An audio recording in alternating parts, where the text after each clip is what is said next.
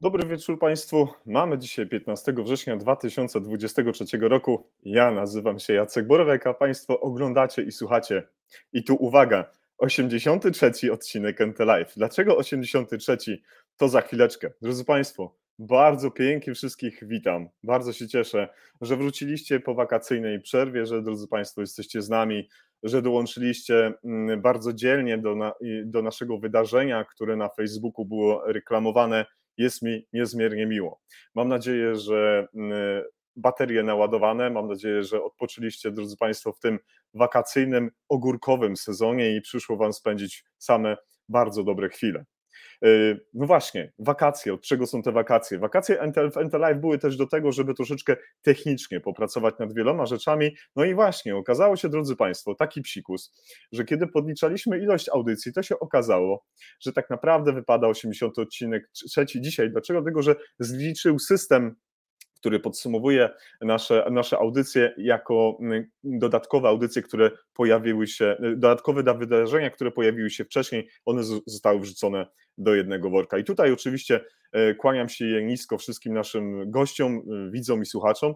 Wybaczcie, drodzy Państwo, za tę pomyłkę i mam nadzieję, że nie będzie to ogromnie wielki problem. Ale myślę, że to też jest bardzo dobra wiadomość, bo jak się okazuje, mamy więcej odcinków do setnego wydania. W związku z tym jeszcze więcej fantastycznych e, gości, których będziemy mogli zapraszać do rozmów na żywo w NT Live. Takiego gościa mamy dzisiaj również bardzo mm, ciekawego. O nim za moment. Ja odniosę się, drodzy Państwo, jeszcze do mm, dwóch kwestii, do wydarzeń, które miały miejsce kilka dni temu. Były to wydarzenia związane z trzecią konferencją ratowniczą ratownictwa medycznego w Krakowie. Y, tam mieliśmy okazję być, tam NT Life otrzymało akredytację dla mediów i bardzo dziękuję całej redakcji medycyny praktycznej i organizatorom za to, że mogliśmy się tam, drodzy Państwo, znaleźć. Y, bardzo dobre wydarzenie, bardzo fajnie merytorycznie skonstruowane. Y, jestem pod wrażeniem organizacji takich technicznych rozwiązań, y, skoroszyc z materiałami, wszystkie prezentacje, informacje praktyczne potrzebne, dostęp do Wi-Fi, odniesienie do osób, skąd, gdzie naprawdę chylę czoła i tutaj podziękowania dla doktora Tomasza Ilczaka i dla pana Pawła Kukli za to, że, że byli i zrobili naprawdę kawał dobrej roboty ze swoim zespołem. E, drodzy Państwo, dzisiaj e, chciałbym też podziękować wszystkim naszym widzom i słuchaczom za szereg gadżetów, jakie w ostatnim czasie otrzymywaliśmy e, od Państwa. Jest ich naprawdę bardzo wiele. Pozwolicie, że zrobimy piękne fotografie tych gadżetów, różnych pięknych naszywek, plakietek, co niemiara ich w ostatnim czasie się zrobiło wszystkich zainteresowanych bardzo pozdrawiam i bardzo Wam dziękuję, że takimi prezentami nas obdarowujecie. Cieszę się bardzo, że, że, że dzielicie się swoją przestrzenią. Cieszę się bardzo, że pokazujecie nam, gdzie pracujecie, co robicie e, i, i czym się na co dzień zajmujecie. Już za chwilkę, już za e, jakiś czas e, te zdjęcia będą na naszym profilu facebookowym i będzie można je tam oglądać i nawet polubić. E, drodzy Państwo, mm, już witam wszystkich bardzo ciepło, tych zgromadzonych pod wydarzeniem e, na, na Facebooku, e, na YouTube. Mam nadzieję, że jesteście z nami. A drodzy Państwo, pozwolicie, że tak jak zwyczaj nakazuje, przywitamy naszego gościa, który już czeka w naszej nurdiskowej E, poczekalnie. Drodzy Państwo, e, pan Mateusz Komza jest absolwentem Wydziału Nauk o Zdrowiu Ludzkiego Uniwersytetu Medycznego na kierunku zdrowie publiczne oraz podyplomowych studiów na Wydziale Prawa i Administracji Uniwersytetu Łódzkiego na kierunku prawo medyczne. E, zaproszony do audycji gość od lat zajmuje się tematyką ratownictwa medycznego, zarówno, drodzy Państwo, w aspekcie prawa, organizacji, zarządzania oraz powiadamiania samego, samego, samego powiadamiania ratunkowego. Y, y, pan Mateusz Komza jest współautorem m.in. opracowań takich jak procedury wspomagające podjęcie decyzji przez dyspozytora medycznego w zakresie przyjęcia zgłoszenia, kwalifikacji zgłoszenia oraz dysponowania zespołami ratownictwa medycznego do różnych stanów nagłego zagrożenia życia oraz kolejna publikacja, której e, pan Mateusz Komza jest autorem, to procedury zdarzenie mnogie i masowe.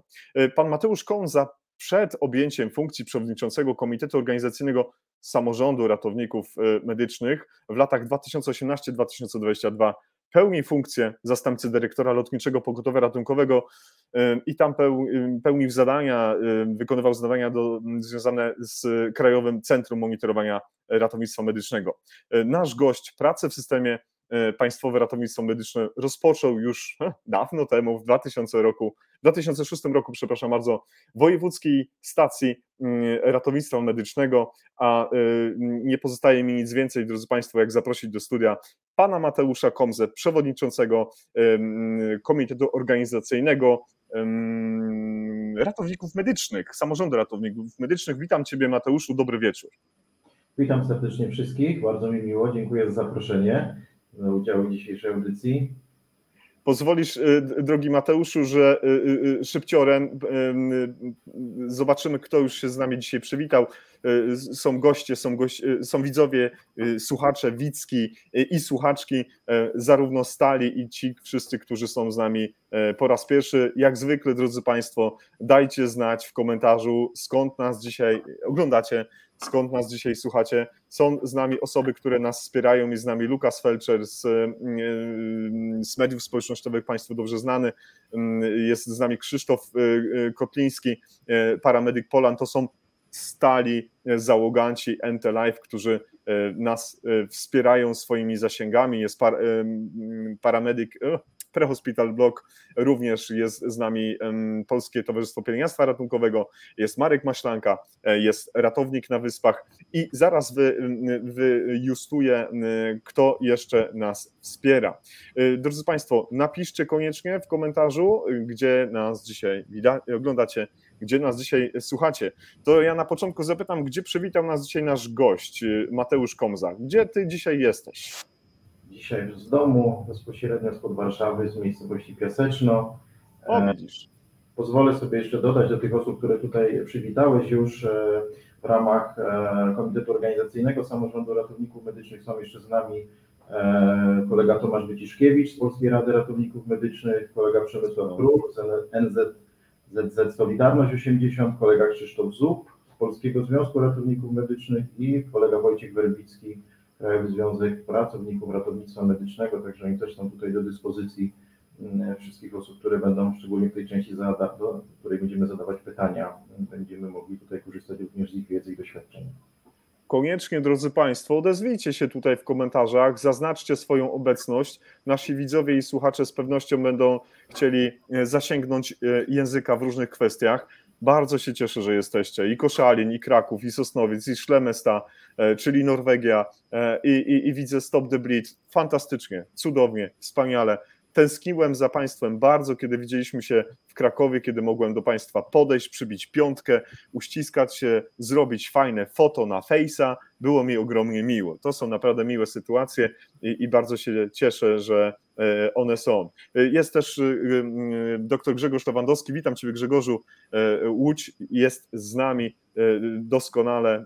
Kolejne osoby się pojawiają i bardzo się cieszę, że drodzy Państwo E, jesteście.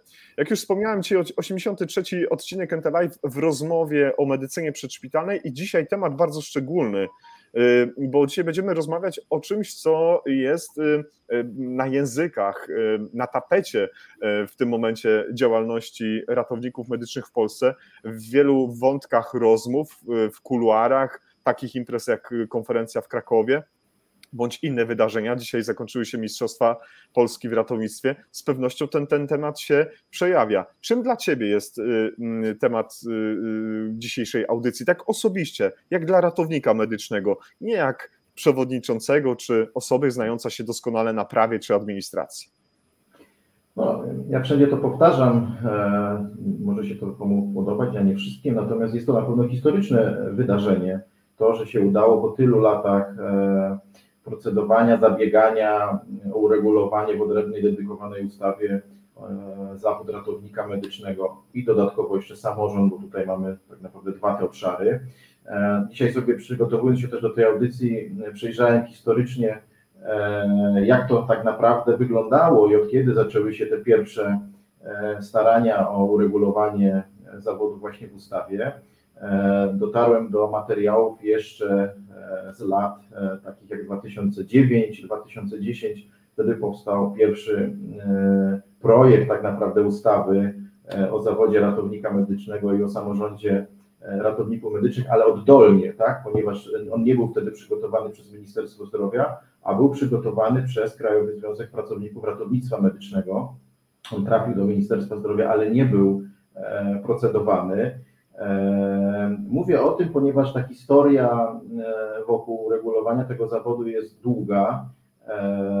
Bardzo wiele starań, bardzo wielu organizacji, bardzo wielu takich osób dobrej woli, czy to ratowników medycznych zrzeszonych w różnych organizacjach, czy indywidualnie, którzy wspierali ten projekt, później już na etapie tworzenia Polskiej Rady Ratowników Medycznych, bo taka, taki związek stowarzyszeń również powstał, którego celem była przede wszystkim konsolidacja środowiska ratowników medycznych, ponieważ no, mieliśmy dosyć duży problem takiego rozdrobnienia i w rozmowach, czy to z Ministerstwem Zdrowia, czy z konsultantem krajowym, no tych organizacji było bardzo, bardzo dużo. W 2010 roku powstała taka inicjatywa Nomen Omen w Ministerstwie Zdrowia na jednej z konferencji uzgodnieniowych projektu rozporządzenia. Zostaliśmy jako przedstawiciele no, tych organizacji, które wtedy brały udział w tej konferencji i powiedzieliśmy, no słuchajcie, coś trzeba zrobić, musimy się, że tak powiem, e, zorganizować i zacząć walczyć, ponieważ no, ten temat no, nie będzie, że tak powiem, tutaj sprawnie procedowany. No i w 2010 roku, 17 listopada w Łodzi, zostało zorganizowana, zostało zorganizowane spotkanie, podczas którego zawiązała się Polska Rada Ratowników Medycznych, no i ona już później z rzeszą organizacji, było kilkanaście organizacji, zarówno stowarzyszeń, jak i związków zawodowych. No, głównym celem była konsolidacja, ale również przygotowaliśmy drugi projekt ustawy o zawodzie i samorządzie ratowników, ratów, samorządzie ratowników medycznych. To było na bazie tej pierwszej ustawy, oczywiście, o której już wspomniałem wcześniej, i ten projekt również został przekazany do Ministerstwa Zdrowia celem dalszego procedowania. No i tak naprawdę dopiero po 12 latach od tych dwóch wydarzeń no projekt 29 września 2022 roku trafił jako projekt rządowy już do Sejmu do, do procedowania. Także no, no jest to jakiś kawał historii, to wydarzenie jest historyczne, ono się zdarzy raz, jesteśmy niejako świadkiem tego, wszyscy w tym uczestniczymy i tak naprawdę każdy z nas tutaj, czy uczestniczący w tym spotkaniu, czy uczestniczący w dyskusjach na różnych spotkaniach, no niejako dokłada tej dyskusji kawałek do tej historii bo tak jak powiedziałem, no to się zdarzy raz, już później nie będziemy mieli drugiej takiej sytuacji. Także no ja to tak oceniam i tak to odbieram jako osoba, która no od wielu lat się tym tematem, że tak powiem, interesowała i zabiegała też o to, żeby się to udało. No właśnie, w tej części wywiadowczej, drogi Mateuszu, chciałbym się Ciebie zapytać, nie dyskredytując Twoje zainteresowania związane z prawem czy z administracją, ale co jest Tobie bliższe Twojemu sercu? Sprawy medyczne, czy te, no właśnie, systemowo-organizacyjne, prawne, te, który, którymi się zajmujesz? Bo ja nie ukrywam, kiedy przygotowywałem się do dzisiejszej audycji, kiedy czytałem wiele publikacji, materiałów, gdzie mianownikiem wspólnym była Twoja osoba, no to muszę powiedzieć, że to takie wyzwanie spore, bo to są może nie jakoś super skomplikowane rzeczy, ale zawiłe w swoich paragrafach. Co jest tobie zatem bliższe? Serce ratownicze, czy to administracyjno-prawne? Znaczy ja zaczynałem jako dyspozytor medyczny, tak akurat ta moja kariera się potoczyła. Byłem dyspozytorem medycznym w Wojewódzkiej Stacji Ratownictwa Medycznego w Łodzi. U pana dyrektora Tyki ta moja kariera w ratownictwie medycznym się rozpoczęła. Bardzo się cieszę z tego powodu, ponieważ no, mogłem ten system troszeczkę z innej pozycji poznać i ten bagaż doświadczeń, jaki uzyskałem podczas tej pracy dyspozytorni medycznej, jako umożliwił mi też, ułatwił później to działanie w tym obszarze organizacyjno-prawnym. Ono się niejako zrodziło na późniejszym już etapie, kiedy zacząłem działać właśnie czy to w Polskiej Radzie Ratowników Medycznych, czy, czy wcześniej jeszcze w związkach zawodowych. Natomiast na pewno to, co wykonują dyspozytorzy medyczni jest oczywiście mi najbliższe, ponieważ ja tam zaczynałem. Drugi taki też obszar to jest obszar związany z systemami wspomagania dowodzenia. Jest to też bardzo trudny kawałek, ponieważ tam mamy wszystkie elementy również organizacyjne, prawne, medyczne, logistyczne. No niemniej jednak obecnie, że tak powiem, zajmuję się już bardziej tą sferą organizacji i zarządzania, ale też z dużym takim naciskiem na ten obszar prawny, który bardzo mi też leży na sercu, no ponieważ tak naprawdę od tego prawa jest to nasza podstawa działania i też zabezpieczenie działania osób, które udzielają medycznych czynności ratunkowych czy świadczeń zdrowotnych, właśnie ratowników, czy to dyspozytorów medycznych. I zawsze mi też na tym zależało, żeby nie tylko ten wymiar organizacyjny, ale też prawny, który jest podstawą we wszystkich, że tak powiem, krajach europejskich do, do działania w tak bardzo trudnym obszarze i specyficznym, ponieważ no, pewną specyfikę mamy i no, nie ma drugiego takiego obszaru ochrony zdrowia, który, e, że tak powiem, jest e, z każdej strony bombardowany różnymi e, czynnikami, które, no, które nie występują w wielu innych miejscach, tak? Także mamy bardzo dużą specyfikę i szczególnie powinniśmy właśnie dbać o tworzenie takich warunków nie tylko organizacyjno-logistycznych, ale też prawnych przede wszystkim, tak, do, do tego, żeby no, tworzyć ten komfort pracy w tych trudnych bardzo warunkach. Jest z nami e, wielu widzów i słuchaczy, ponad 100 osób nas ogląda. Jest z nami e, osoba podpisująca się e, nikiem Paramedic. Komentarz świetny. Pamiętajmy, że komitet tworzy dwa, tworzą 23 osoby. Tak, drogi paramedyku, nawet trzy dodat poza, poza Mateuszem, który jest przewodniczącym komitetu, zostały już przywołane do tablicy, są z nami dzisiaj.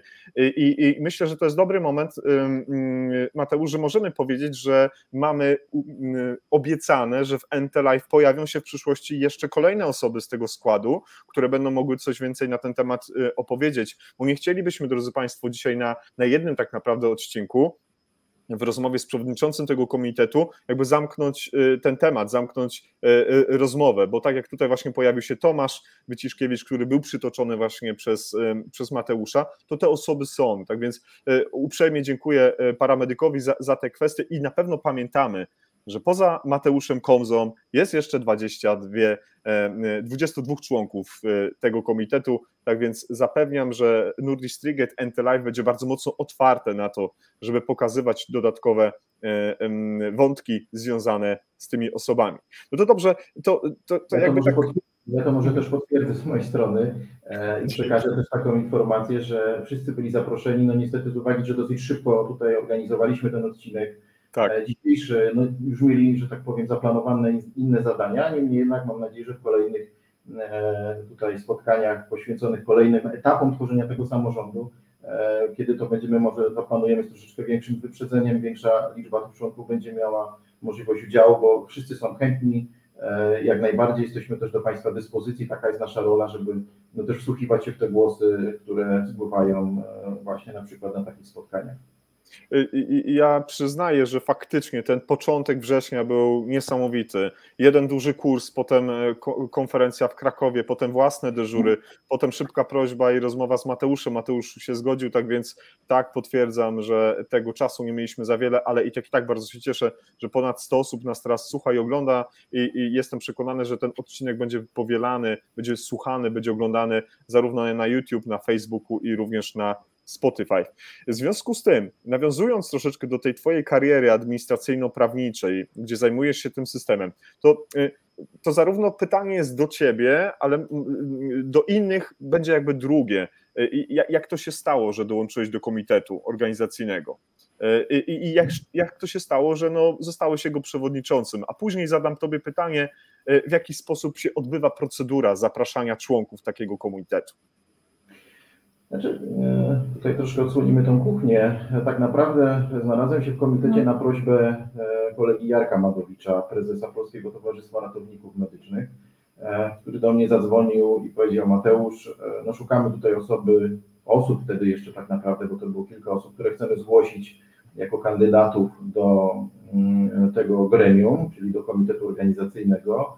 E, I no, ja, że tak powiem, troszeczkę się wzbraniałem też przed tym zadaniem, bo wiedziałem, z czym to się wiąże, jak bardzo trzeba będzie się zaangażować, żeby to zrobić w sposób profesjonalny i merytoryczny, e, mając na uwadze też inne zadania, które, inne projekty, które, które byłem zaangażowany. E, no ta decyzja, że tak powiem, pewnie przez jakiś okres czasu i przez różnego rodzaju dyskusje też, które się toczyły, to ona, że tak powiem, dojrzewała i ostatecznie no, wyraziłem taką chęć i Jarek tutaj e, dzięki e, też zgodzie członków e, zarządu no, wskazał kilka osób Ministerstwu Zdrowia na ich prośbę oczywiście, bo to procedura wyglądała w taki sposób, że Ministerstwo Zdrowia poprosiło organizacje, które spełniały kryteria opisane w ustawie o zawodzie ratownika do zgłoszeniu kandydatów na członków komitetu. No i następnie według no, do końca bliżej nieokreślonego klucza pojawiło się zarządzenie, w którym ostatecznie pojawili się członkowie, którzy byli zgłoszeni. Nie, byli, nie były to wszystkie osoby, bo wiem, że tych osób było dużo więcej zgłoszonych. E, no i w takim, w takim kształcie pojawiłem się w komitecie organizacyjnym, natomiast no już sam wybór na przewodniczącego no to się odbyło na pierwszym posiedzeniu, bo zgodnie z zarządzeniem ministra zdrowia powołującym komitet organizacyjny e, na pierwszym posiedzeniu e, do zadań członków komitetu należało wybór przewodniczącego i zastępcy. No i takim zaufaniem zostałem obdarzony przez kolegów i koleżanki, którzy weszli w skład tego komitetu.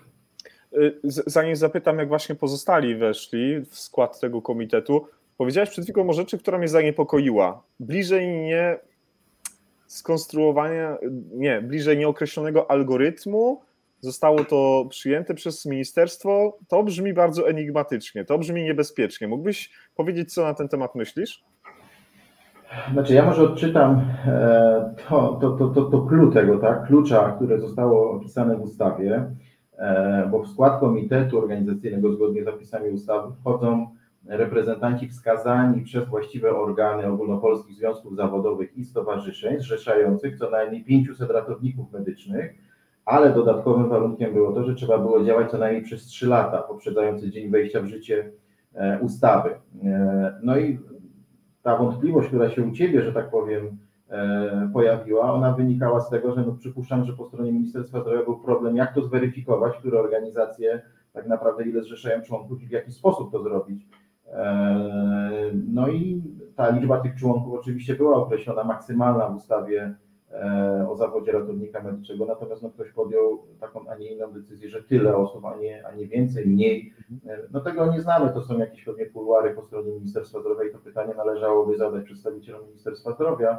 E, no my przyjęliśmy to e, z dobrodziejstwem jako inwentarza i w takim składzie, jak zostało e, to zawarte w zarządzeniu ministra zdrowia powołującego ten komitet, to zostało no, po prostu przyjęte. Natomiast oczywiście wiemy, bo takie dyskusje oczywiście były również w tle, na jakiej podstawie, jak, dlaczego się to stało. Tam były też wyjaśnienia kwestii, dlaczego niektóre organizacje zgłosiły tylu, a dlaczego tylu dostały.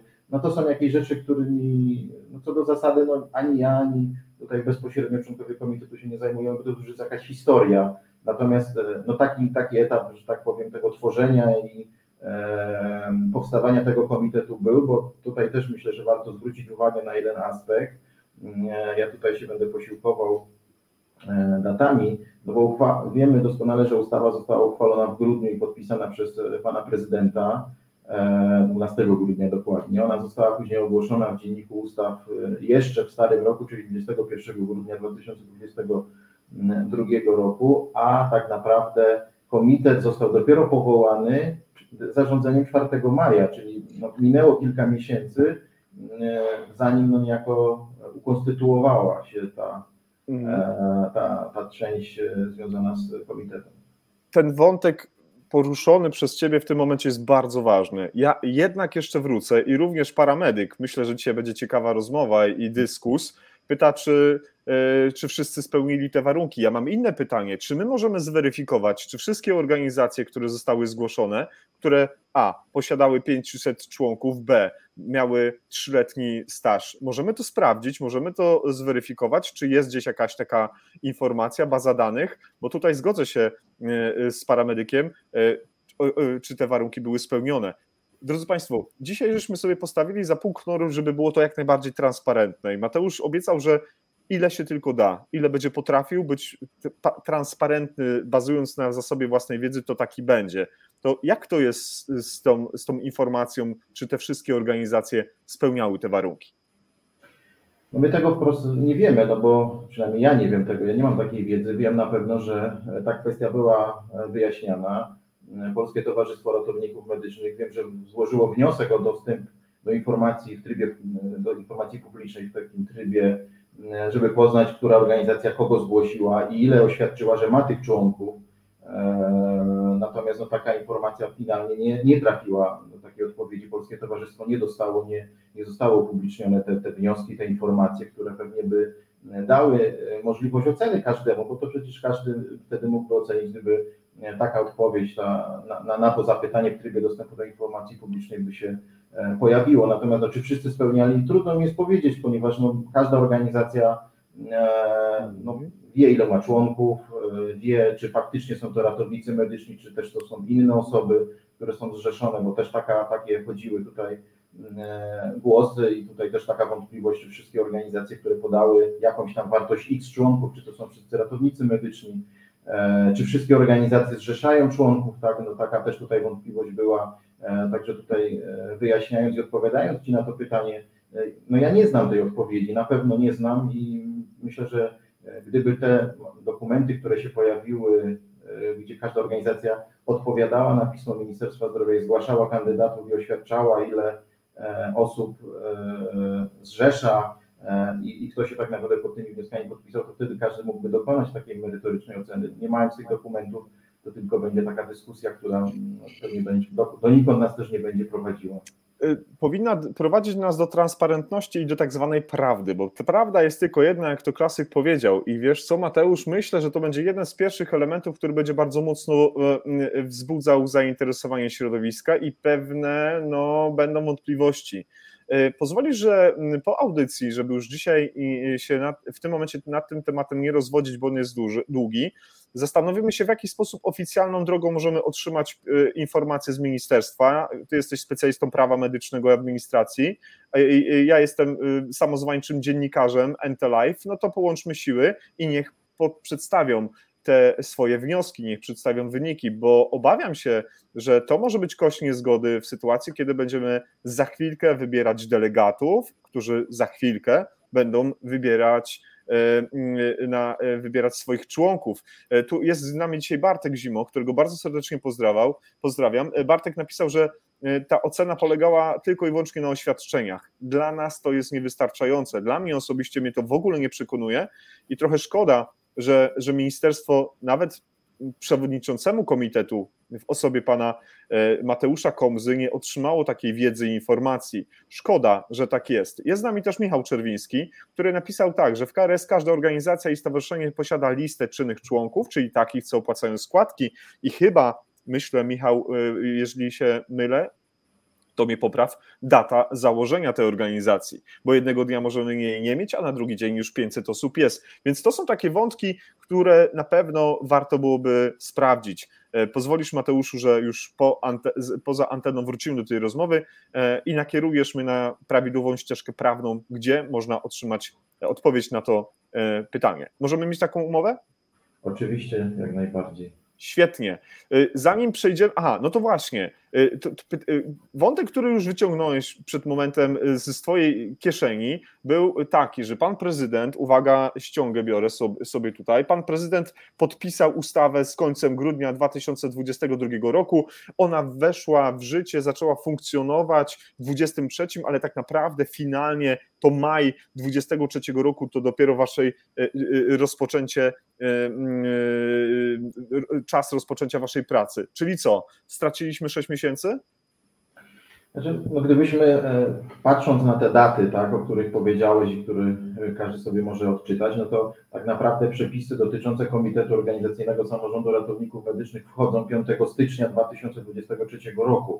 E, do końca stycznia każda organizacja, która została o to poproszona, miała czas na zgłoszenie kandydatów e, do komitetu i później Kolejnym takim etapem pewnie była weryfikacja tych wniosków, tych oświadczeń, tak jak tutaj e, kolega e, w tym wpisie wskazał. E, no i tak naprawdę dojeżdżamy już do daty 4 maja, tak? To jest data, kiedy minister zdrowia publikuje zarządzenie, powołuje komitet organizacyjny zgodnie z ustawą i wyznacza nam 19 maja jako pierwszą datę posiedzenia Komitetu Organizacyjnego Ratowników Medycznych, czyli tak jak tutaj tej grafice, którą przygotowałeś, no jest to można powiedzieć około 6 miesięcy od momentu, kiedy ta ustawa, e, że tak powiem, no, zafunkcjonowała i została podpisana przez e, pana prezydenta. No, czy stracone, nie wiem, nie, nie chciałbym tutaj tak e, mocno tego podkreślać. Na pewno, gdybyśmy zaczęli wcześniej pracę, pewnie byśmy już byli na etapie wyborów w poszczególnych województwach może nawet już jesień tego roku to byłoby pierwszy krajowy zjazd ratowników medycznych, a to pewnie No powiemy później, to się troszeczkę przesunie, ponieważ no, zaczęliśmy pracować, można powiedzieć, że w końcówce maja tak naprawdę to pierwsze posiedzenie, ale staraliśmy się wykorzystać do maksimum ten okres wakacyjny i w wakacje spotkaliśmy się e, tak naprawdę cztery razy, czyli można powiedzieć, że w lipcu i sierpniu dwukrotnie praktycznie, e, no tak, żeby jak najwięcej tych prac e, zrealizować, które mogliśmy przygotować i niejako już no nie przyciągać jeszcze bardziej tego czasu, kiedy rozpocznie się spis ratowników medycznych i będą odbywały się wybory już na delegatów, no bo tak jak mówisz tutaj kilka miesięcy zanim zaczęliśmy działać, plus jakbyśmy jeszcze to teraz przeciągali,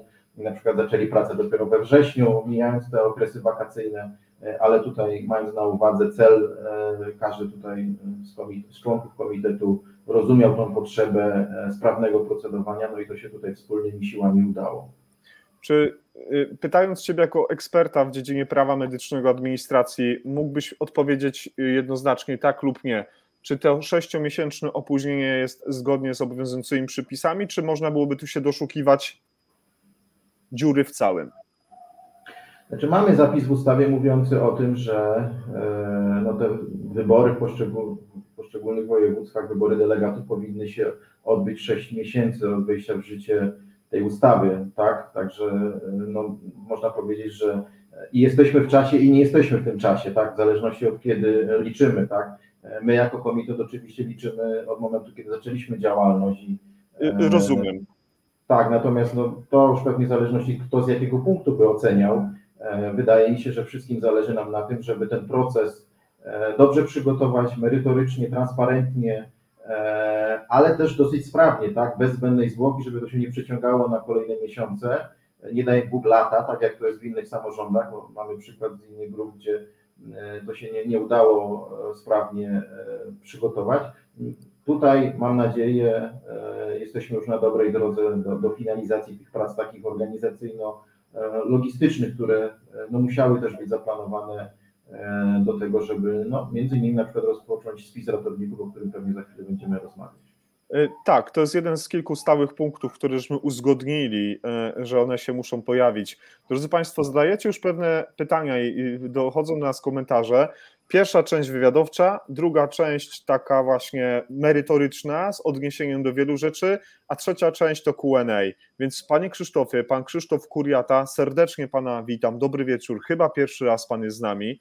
Bardzo za to dziękuję, że zdecydował się Pan dołączyć do dzisiejszego NT Live. To bardzo miłe. Pozwoli Pan, że na razie zamilknę w tej kwestii i chcielibyśmy przejść troszeczkę dalej, żeby krok po kroku wyjaśnić Państwu, żeby Mateusz Komza, gość dzisiejszego e, NT Live wytłumaczył te zawiłości prawno-administracyjne. Ale zanim to zrobimy, zanim o roli i, i zadaniach y, związanych z, z komitetem, to ja mam takie pytanie do Ciebie y, tak po prostu, na chłopski rozum, co każdy z nas, e, ratowników, ratowniczek, powinien wiedzieć o samorządzie ratowników medycznych. I tak ogólnie w skali końcowej, ale też już na etapie przygotowania struktury organizacyjnej. Jakbyś mógł nam to tak jak najmniej skomplikowanie wytłumaczyć. No pierwsze, tak naprawdę mamy chyba dwa obszary, które powinny każdego interesować. To jest e, to, jakie zadania ma samorząd, bo e, oczywiście ustawa nasza może nie jest jakaś bardzo długa, ale bo liczy sobie 43 strony. E, no niemniej jednak czytanie aktów prawnych przez osoby, które na co dzień nie korzystają z tego typu dokumentów jest trudna, nieprzyjemna i, i męcząca. E, to na pewno obszar zadań, bo e, samorząd tych kompetencji, które są zapisane w artykule 118, wbrew pozorom ma dosyć dużo. Nie wiem, czy chcemy je tutaj wszystkie przytaczać. Myślę, że, że nie bo, bo nie ma na to czasu. One gdzie je znajdziemy? Gdzie, gdzie je znajdziemy? W, artyku, w artykule 118 ustawy. Tam jest między innymi e, kwestia etyki zawodowej, dbania e, i przestrzegania zasad etyki zawodowej, stworzenie takich zasad, bo tego do tej pory nie było. E, kwestia prawa przyznawania, prawa wykonywania zawodu, to jest też nowy taki element, którym do tej pory my jako zawód ratowników medycznych nie mieliśmy do, do, do czynienia uznawanie kwalifikacji ratowników medycznych, bo pamiętajmy, że no mamy ratowników medycznych nie tylko w Polsce, ale też w innych krajach, którzy do nas przyjeżdżają.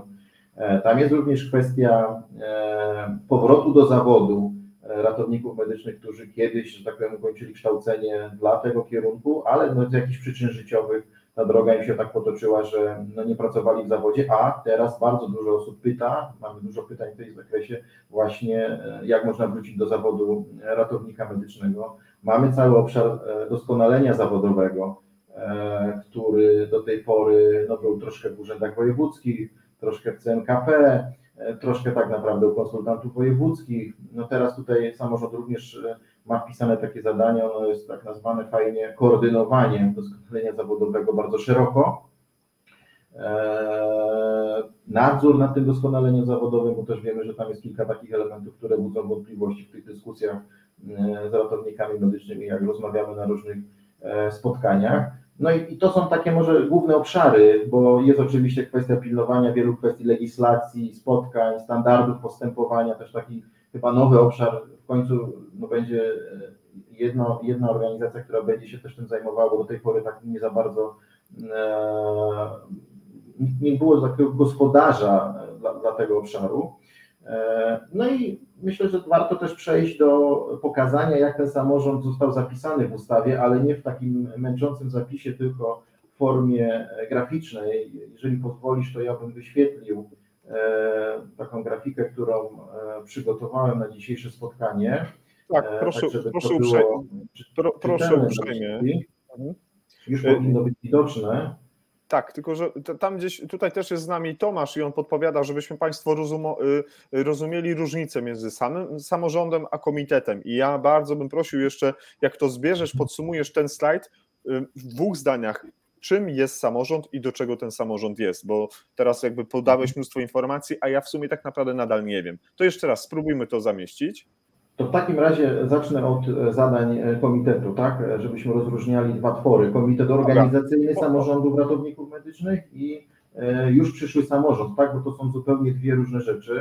Dobrze, możemy zacząć, możemy zacząć od komitetu. Ja chciałem jakby uzyskać najpierw definicję albo zamysł, czym w ogóle samorząd jest, żeby mówić o tym i, i, i o organizacji czy strukturze, która go tworzy. Ale oczywiście, mhm. proszę uprzejmie, udostępniamy te, te informacje. Tak, wyświetliłem Państwu tutaj wycinek e, ustawy, która mówi o naszych zadaniach jako komitetu organizacyjnego, czyli takiego tworu, który stricte przygotowuje E, podwaliny pod wybór delegatów, pod e, organizację pierwszego krajowego zjazdu ratowników medycznych, na którym dopiero będą wybierane władze samorządu. E, czy możemy tak to powiększyć? Mamy... Czy, możemy to, czy możemy to powiększyć albo wys... tak, jeszcze troszkę? Są z nami widzowie i słuchacze, którzy będą chcieli przynajmniej wynotować sobie paragrafy, więc bardzo bym prosił. Tak, i tutaj na samym dole macie Państwo w artykule 229.4 tak naprawdę główne zadania, które są postawione e, członkom Komitetu Organizacyjnego Samorządu Ratowników Medycznych, czyli jedyneczka dokonywanie wpisu do spisu ratowników medycznych. E, on jest potrzebny na, e, po to nam, abyśmy spisali ratowników medycznych, którzy będą mieć prawo wyboru delegatów poszczególnych województwach na pierwszy krajowy zjazd ratowników medycznych. Samo prowadzenie spisu ratowników medycznych, czyli obsługa wniosków o wpis do tego spisu. E, no i ta część trzecia, czyli zorganizowanie, zwoływanie zgromadzeń wojewódzkich e, i w przypadku, kiedy będziemy mieć spisanych z danego województwa e, ratowników medycznych w liczbie 300 bądź więcej, wtedy będziemy organizować jeszcze rejonowe zgromadzenia wojewódzkie, podczas których będą wybierani delegaci i my niejako za tą organizację, za sposób przygotowania e, tych wyborów e, odpowiadamy jako komitet.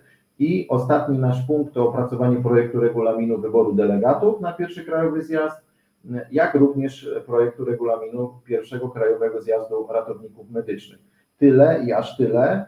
Nie zajmujemy się szeregiem innych tematów, to też zwracam na to uwagę, czyli ani doskonaleniem zawodowym, ani wydawaniem książeczek obecnie za przyszły samorząd. E, mówię o tym, ponieważ no, te, takie pytania trafiają e, do komitetu i staramy się oczywiście na nie odpowiadać, niemniej jednak e, ten nasz zakres zadań reguluje ustawa i on jest no, taki konkretnie zdefiniowany i nic poza ten zakres my jako komitet, jako członkowie staramy się tutaj nie, nie realizować, żeby nie wchodzić, nie, nie powodować jakichś tutaj perturbacji ze wszystkimi innymi tematami związanymi z tym, co się dzisiaj dzieje, jeśli chodzi o wykonywanie zawodu ratownika medycznego. My te pytania kierujemy do Ministerstwa Zdrowia, do, do departamentów, które są za to odpowiedzialne i jako komitet nie podejmujemy tutaj dyskusji, żeby, no tak jak mówię, nie, nie powodowało to do, dodatkowego, dodatkowych pytań, które no, nie powinny tutaj się pojawić. Czyli no Mógłbyś mi podać link tego dokumentu, ja go wkleję do komentarzy, żeby osoby, które chciałyby z niego skorzystać, czy masz go tylko i wyłącznie w PDF-ie? E, wiesz co, ja zaraz przygotuję i go wkleję, także Dobra, świetnie. nie mam akurat teraz, ale jak będzie moment, to ja odszukam. Dobrze, nie ma problemu, to, to, to będzie świetnie. Dobrze, zamieniam się w słuch, proszę uprzejmie. I, I teraz ta druga część, czyli e, już nie komitet organizacyjny, ale przyszły samorząd e, ratowników medycznych, co tak naprawdę w nim jest, ponieważ no, ustawa, tak jak sobie już powiedzieliśmy, to definiuje, ale tak jak mówię, przygotowałem taką grafikę, która mm, wydaje mi się w taki sposób graficzny to zaprezentuje. Tak naprawdę przyszły, co to jest ten przyszły samorząd? To jest tak naprawdę Krajowa Izba Ratowników Medycznych, ponieważ my mamy samorząd zaplanowany w formie centralnej, tak ustawodawca to przewidział. E, nie mamy wojewódzkich oddziałów miejskich, tak jak jest to w innych grupach zawodowych, na przykład pielęgniarek czy lekarzy. Też dużo pytań w tym obszarze się e, pojawia. My jako komitet organizacyjny tego nie ustalaliśmy. Dostaliśmy to z dobrodziejstwem inwentarza, to zostało zapisane w ustawie.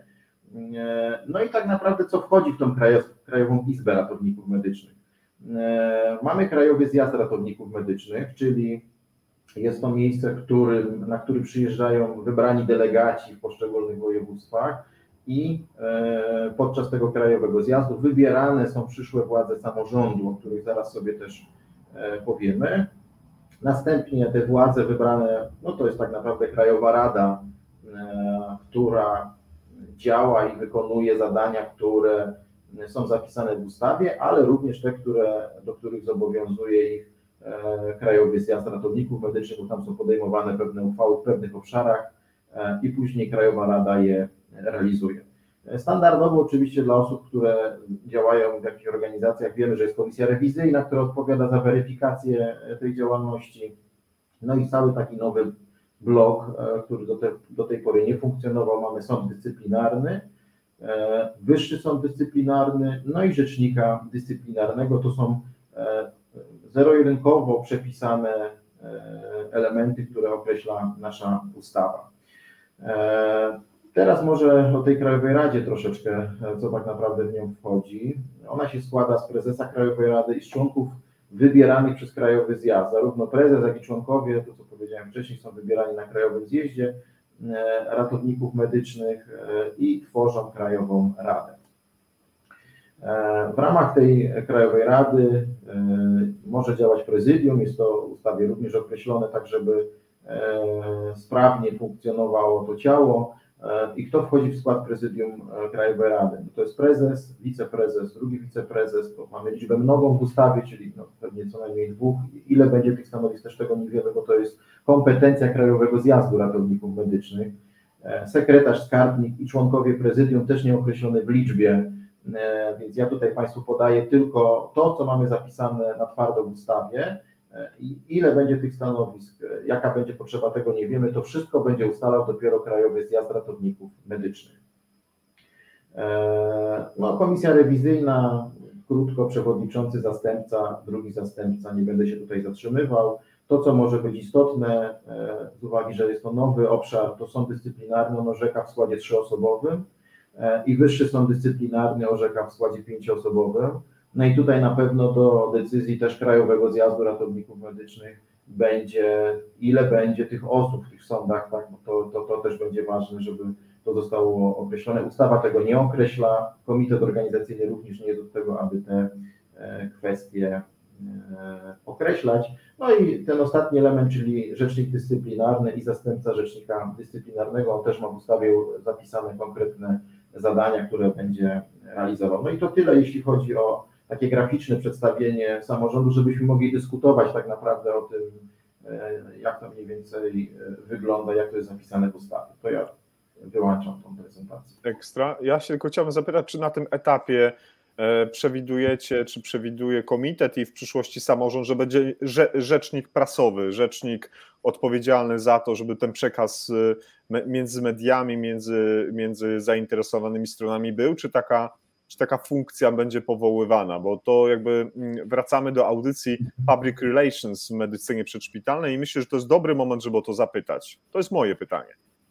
Znaczy tak, na pewno nie jest to zadanie komitetu organizacyjnego, żeby Oczywiście. to to, to, to, to pierwsza kwestia. To jest e, znowu obszar, który jest zapisany e, krajowemu delegatom, którzy przyjadą na Krajowy Zjazd Ratowników Medycznych i tam na pewno ta debata i dyskusja będzie. Gdybyś mnie zapytał prywatnie, e, jak, jakie jest moje zdanie, e, ja na pewno e, wielokrotnie już się na ten temat wypowiadałem, jestem jak najbardziej za, jest tego za mało i, i na pewno przydałaby się taka funkcja, ta osoba, która by dbała też o, ten, o tą komunikację na zewnątrz, ale w taki sposób właśnie dynamiczny, żeby to nie było, że tak powiem, ad hocowe, z jakimś opóźnieniem dużym. Także na pewno tak, natomiast jaka będzie decyzja delegatów na krajowy zjazd, tego nie wiemy, to jest przyszłość.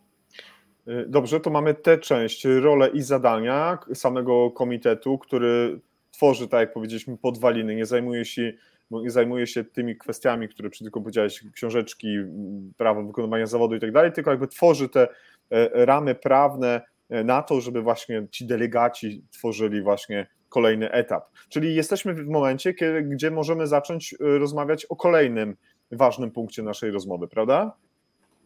Tak, dokładnie, jak najbardziej.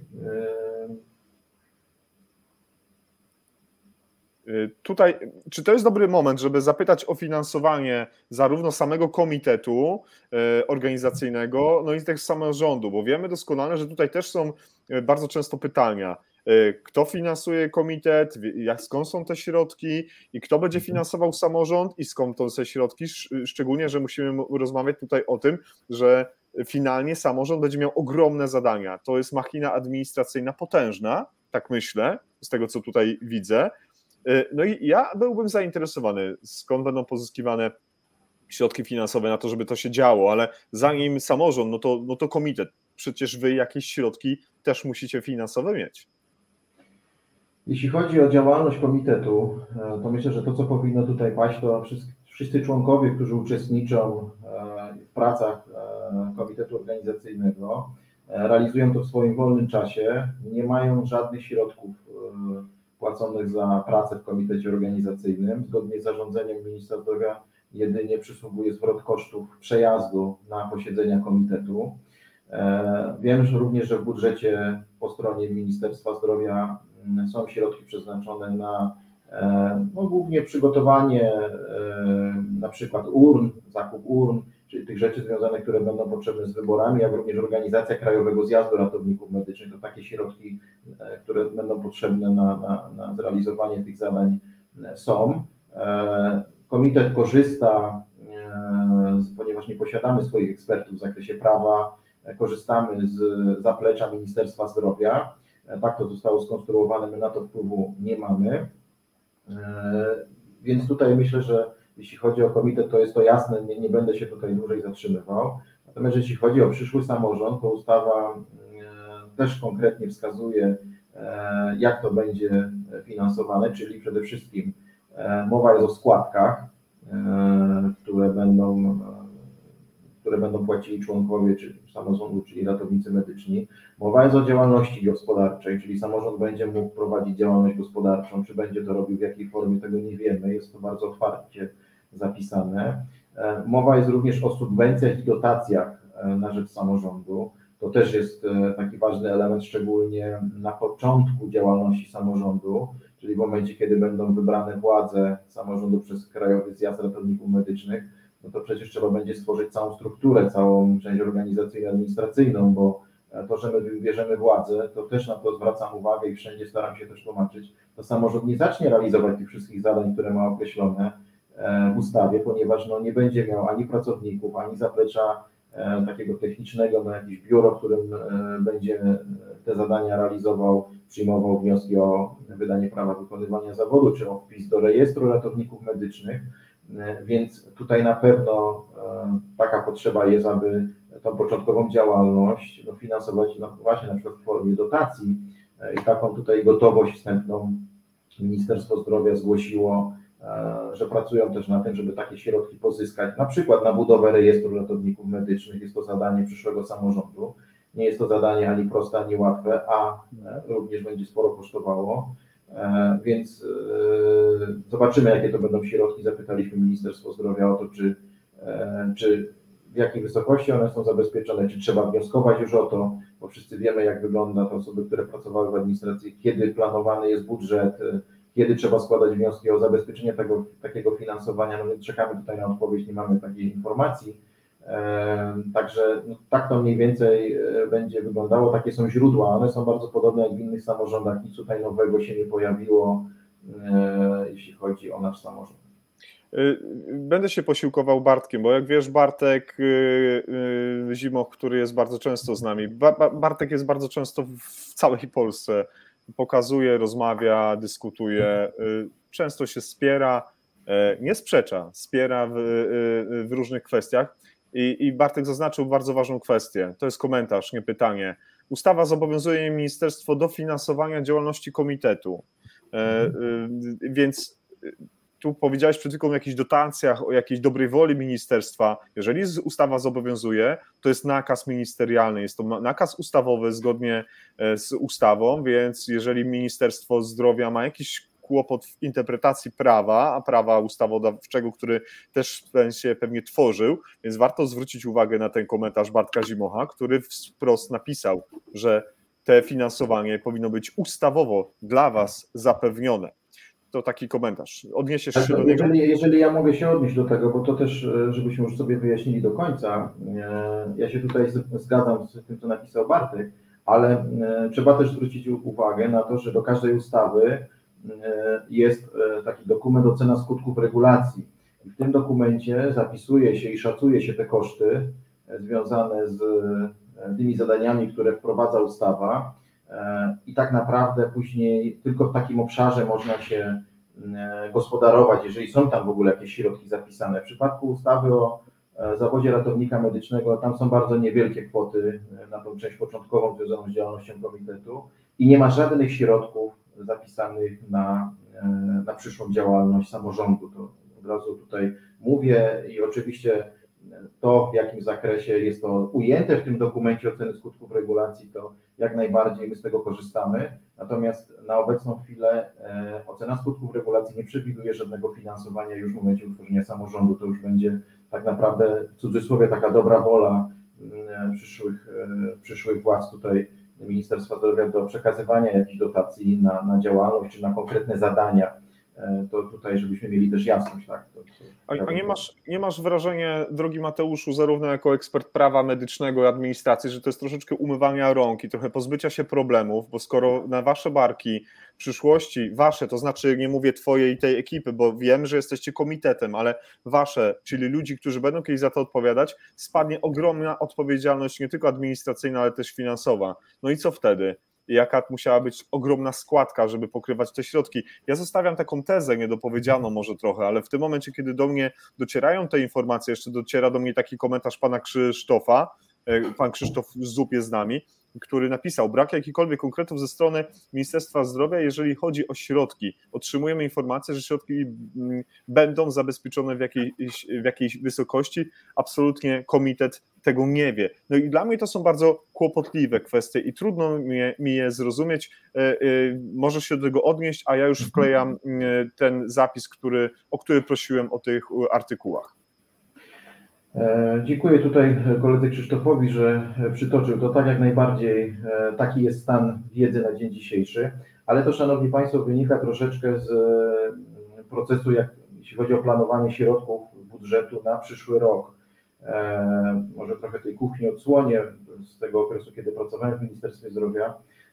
Tak naprawdę nie, niedawno zakończył się okres wnioskowania o dodatkowe środki, znaczy o dodatkowe środki w ogóle do, do budżetu na przyszły rok.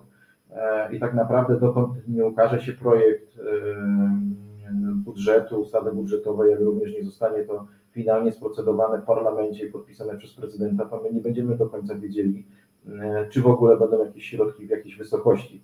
E, czekamy teraz na odpowiedź ze strony Ministerstwa Zdrowia, ponieważ komitet w ramach takiej analizy ryzyka i tych wątpliwości interpretacyjnych do ustawy wskazał tą wątpliwość, jeśli chodzi o finansowanie przyszłego samorządu, no dbając też o, o, o, kolegów i koleżanki, które w przyszłości będą pełnić te funkcje w samorządzie. Nie dostaliśmy jeszcze odpowiedzi. Pytaliśmy między innymi, czy mamy wnioskować e, jako komitet organizacyjny o zabezpieczenie środków, czy Ministerstwo Zdrowia samo z urzędu e, takie środki zabezpieczy, jeśli tak, to jakie, na jakie cele, dzisiaj jeszcze odpowiedzi na te pytania nie uzyskaliśmy, czekamy. E, no mam nadzieję, że do tego kolejnego posiedzenia siódmego komitetu, e, które będzie jeszcze w końcówce września 26, będziemy taką informację mieli. Jeżeli tak, to tak jak informowaliśmy na naszym profilu na Facebooku, tą odpowiedź również opublikujemy, tak jak i nasze pismo do Ministerstwa Zdrowia, żeby to było transparentnie, żeby tutaj nie było żadnych wątpliwości. No i zobaczymy, tak, będziemy zastanawiać się, jeżeli będzie trzeba jakieś działania podejmować w tej zakresie, no to wspólnie tutaj ze wszystkimi członkami komitetu na posiedzeniu ustalimy, jakie dalsze kroki e, będziemy wykonywać, jeżeli taka potrzeba będzie. Ja celowo ten wątek finansowy podkreśliłem, bo często jest tak, że tak mm, mówimy, że jak nie wiadomo o co chodzi, to chodzi o pieniądze. I drodzy Państwo, prędzej czy później od, od, odbiłoby się czkawką, jeżeli byśmy nie mieli tej y, elementarnej wiedzy, którą podał przed chwilą Mateusz i pan Krzysztof. Y, ja dziękuję panu paramedykowi, żeby, y, że, że tutaj kieruje wątki do rozmowy. My się skupimy, panie paramedyku, w tym momencie na scenariuszu naszego spotkania. Bardzo panu dziękuję za sugestie, za pańskie pytania również i pozostałych państwa. To w trzeciej części naszej rozmowy. To jest część wywiadowcza, e, już się skończyła. Teraz jesteśmy przy, przy części merytorycznej, żeby łatwiej nam było rozumieć pewne aspekty i oczywiście zgadzam się z panem, że e, skupienie się na spisie ratowników i wyborach e, ta instrukcja od pana Mateusza i również to tutaj Tomasz, y, Tomasz Wyciszkiewicz y, y, wpisał w komentarzu, żeby wytłumaczyć, jak będą przebiegały wybory delegatów i do czego jest potrzebny spis ratowników oraz co się z tym wiąże od początku jasno i przejrzyście krok po kroku. Panowie, uprzejmie dziękuję. My mamy scenariusz tutaj dosyć, wydaje mi się, zwięźle przygotowany, więc za chwilkę będziemy o tym pewnie mówić. Zgadzasz się, Mateusz? Tak, tak, jak najbardziej te tematy są przewidziane i jest to też celem tego spotkania, żeby o tym powiedzieć. Jeszcze raz bardzo serdecznie dziękuję wszystkim współorganizatorom dzisiejszego wydarzenia, wszystkim partnerom, którzy nas wspierają, którzy udostępniają informacje e, na Facebooku, w mediach społecznościowych, na Instagramie. E, to jest bardzo e, ważna pomoc, bo właśnie dzisiaj, kiedy rozmawiamy o ogromnie ważnych dla nas kwestiach, jest ponad 100 osób, które są w tym momencie bardzo aktywne i za tę aktywność jestem Państwu niezmiernie, niezmiernie wdzięczny, a wszystkim tym, którzy decydują się na kliknięcie udostępnij tego nagrania, udostępnij postu, czy, czy, czy, czy po lub y, jakiś materiał, y, rozpędzamy algorytm mediów społecznościowych i czym więcej go, czym bardziej go rozpędzimy, im bardziej będzie on miał siłę sprawczą, tym do większej ilości osób będziemy y, docierać. Zanim porozmawiamy o spisie ratowników, na jakim etapie, jakbyśmy mogli w kilku zdaniach powiedzieć o obecnym etapie prac komitetu jesteśmy? Takie najważniejsze rzeczy, które są w tym momencie bardzo palące. Można powiedzieć, że zakończyliśmy pracę nad dokumentem, e, który ramowo opisuje sposób wyboru delegatów i na takich dużych klockach, tak to nazywamy, e, określił te wszystkie zasady, którymi się będziemy kierować. E, tutaj czekamy tylko na ostateczną akceptację Ministerstwa Zdrowia pod względem formalno-prawnym i przetwarzania danych osobowych, ponieważ no my jako komitet ani nie mamy inspektora ochrony danych, ani prawników, którzy z nami pracują, więc czekamy na taką akceptację, żeby te zapisy, które w tym dokumencie się pojawiły, były na wskroś zgodne z obowiązującymi przepisami prawa, ale też w szczególności z zapisami dotyczącymi przetwarzania danych osobowych, ponieważ dotykamy tego w bardzo szerokim zakresie. E, drugi taki dokument, który również przygotowaliśmy, to jest i zakończyliśmy, można powiedzieć, również pracę nad nim, to jest dokument opisujący spis ratowników medycznych, jak on będzie wyglądał, jak będzie zorganizowany, jak będą przebiegały procesy w tym spisie, ponieważ tam się różne rzeczy mogą pojawić, to nie tylko wniosek o dodanie do spisu, ale modyfikacje danych, skreślenie i innych e, wiele elementów. E, I tutaj również czekamy na akceptację tego dokumentu też pod względem formalno-prawnym przetwarzania danych, cyberbezpieczeństwa, bo to też jest ważny, ważny element. E, I e, można powiedzieć, że zakończyliśmy pracę nad narzędziem, które będziemy wykorzystywali do e, spisu ratowników medycznych. Udało się tutaj wypracować zarówno z członkami komitetu organizacyjnego, jak również z Ministerstwem Zdrowia i inżynierami z Centrum E-Zdrowia, no takiego rozwiązania, które wydaje mi się będzie praktyczne dla wszystkich ratowników medycznych, ponieważ przyjęliśmy sobie za taki punkt do zrealizowania, czyli nie chcemy papierowych wniosków o wpis do spisu ratowników medycznych. Przygotowaliśmy dedykowany formularz elektroniczny. Nie wiem, czy jest to moment teraz, żeby go już pokazać. Taki, taki mamy. Taki Mówimy mamy o spisie, tak? Mówimy Tak, o spisie, rozumiem. tak. Tak, tak, jesteśmy tutaj, pojawiają się tutaj komentarze. Pan Paweł, e, panie Pawle, myślę, że nie, nie jest pan z nami od początku. Pozwoli pan, że pańskie pytanie e, odnośnie tego wątku i każdego innego będzie zadane naszemu gościowi. E, Teraz chcielibyśmy konkretnie przedstawić merytoryczne e, kwestie, żeby było nam łatwiej rozumieć pewne, e, pewne sprawy i może wtedy te pytania będą bardziej jeszcze ukierunkowane. Tak więc e, nie pomijamy pańskiego pytania czy komentarza, widzimy go, niebawem do niego wrócimy. Dziękuję bardzo.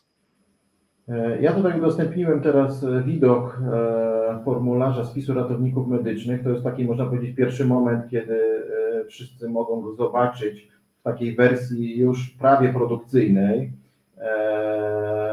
Tak jak powiedziałem, formularz jest bardzo prosty, intuicyjny. Na, bardzo nam na tym zależało, żebyśmy e, nie obciążali ratowników medycznych wpisami i e, do, do, dodawaniem różnych dokumentów czy wpisów w tym formularzu, które e, wymagałyby dużo tego czasu. Zbieramy minimum danych, jakie jest nam potrzebne do tego, żeby sprawnie zorganizować wybory w poszczególnych województwach na delegatów Krajowego Zjazdu. Ja tutaj postaram się sprawnie przejść po tym formularzu. E, Będzie to imię, nazwisko, nazwisko rodowe. Chwilę się tutaj zatrzymam. E, Zwracam na to uwagę szczególnie dla osób, które zmieniały nazwisko, na przykład dyplom e, ukończenia kształcenia mają jeszcze z nazwiskiem panieńskim, a obecnie już mają inne nazwisko zmienione. No są takie sytuacje, więc tutaj również to zabezpieczyliśmy. Numer PESEL jest numerem, który umożliwia nam weryfikację ratowników medycznych, tak żeby nie dochodziło do sytuacji, że ktoś się kilkukrotnie zgłasza do tego spisu, także jeden numer PESEL, jeden ratownik. Dla osób, które nie posiadają numeru PESEL, ponieważ otrzymaliśmy informację e, z Ministerstwa Zdrowia, że mogą się pojawić takie osoby, e, tutaj przygotowany jest w tym formularzu e, kilka takich dodatkowych pozycji e, w oparciu o inny dokument, e, który można, na podstawie którego można stwierdzić tożsamość danego ratownika medycznego. Trzeba go tutaj wpisać, e, zarówno nazwę, serię, jak i numer tego dokumentu. E, Zwracam tutaj uwagę i korzystam też z tej okazji, e, że mogę to wyjaśnić. E, Ten numer PESEL, który Państwo podacie w e, formularzu, albo podacie numer dokumentu, serię innego, na podstawie którego stwierdzamy tożsamość, e, będą to dane, które będziemy również weryfikować w momencie, kiedy będziecie Państwo otrzymywać kartę do głosowania. Będziemy sprawdzać, czy faktycznie Pan Jan Kowalski z takim numerem PESEL e, to jest faktycznie ta osoba. E, Także te dane, które tutaj podacie, będziemy weryfikować już w dniu e, wyborów w poszczególnych województwach. Także zwracam na to uwagę i proszę, żeby to bardzo starannie wypełniać, bo jest to tak naprawdę jedna, jeden z fundamentów weryfikacji państwa danych. Dalej, jeśli chodzi o sam formularz, mamy tą część związaną z lokalizacją miejsca zamieszkania generalnie, albo miejsca, w którym będziecie Państwo dokonywać wyboru kandydatów. Tutaj zwracam również uwagę, że to województwo, które wybierzecie, uprawniać będzie państwa, w którym mieszkacie albo zamieszkujecie, albo będziecie przebywać, e, które wybierzecie tutaj z tej listy, e, będzie to województwo, z którego będziecie wybierać kandydatów na delegatów. To jest też istotna informacja. My tutaj dodaliśmy dodatkowo takie wyjaśnienie, żeby to nie budziło wątpliwości. Dalsze te pola są zesłownikowane, można sobie tutaj dowolnie je wybierać po wpisaniu e, kilku liter. Również jest podpowiedź, jeśli chodzi o miejscowość, powiat, gminę, no i kod pocztowy, ponieważ czasem się tak zdarza, że e, mamy kilka miejscowości, które e, są e, o takiej samej nazwie i różni je tylko kod pocztowy, więc tutaj ten kod również dodaliśmy. E, Oczywiście e, sam formularz jest tak zbudowany, że jeżeli popełnimy błąd i na przykład będziemy starali się w polu, e, w którym powinny być cyfry, wpisywać literki, to dostaniemy również informację, że jest to niepoprawne. Tak żeby tutaj ułatwić i wyeliminować jakieś potencjalne błędy. Ja tutaj uzupełnię to jakimiś takimi danymi, żeby to Państwu pokazać. Numer telefonu, ponieważ czasem może być potrzeba skontaktowania się z osobą, która będzie składała taki wniosek o spis do ratowników medycznych. No i adres e-mail, jest to podstawowy adres, który należy tutaj podać, ponieważ na ten adres mailowy będą przychodziły wszystkie informacje do danego ratownika medycznego, że złożył wniosek, że wniosek o wpis do ratowników medycznych został zweryfikowany w sposób prawidłowy, że wniosek został odrzucony z przyczyn formalnych, bo na przykład zawierał jakieś błędy. Tam również będzie informacja, w którym miejscu i kiedy odbędą się wybory delegatów. Będą przesłane listy kandydatów na delegatów. Także to jest podstawowy kanał komunikacji, jeśli chodzi o przekazywanie wszelkich informacji od Komitetu Organizacyjnego Ratowników Medycznych z osobą zgłaszającą. Następnie taki obszar dotyczący wskazania rodzaju odbytego kształcenia przygotowującego do wykonywania zawodu ratownika medycznego. To jest na pewno najtrudniejsza część, ponieważ jest taka nieprzyjazna.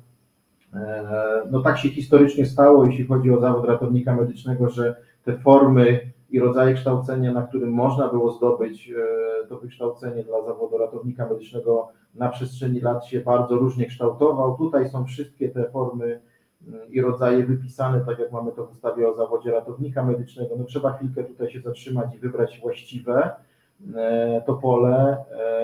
Na pewno się pojawią pytania, co jak na przykład uczyłem się w studium i tam w sumie rozpocząłem pracę po, po zdobyciu, po zakończeniu kształcenia właśnie jako ratownik medyczny, a potem zrobiłem jeszcze licencjat.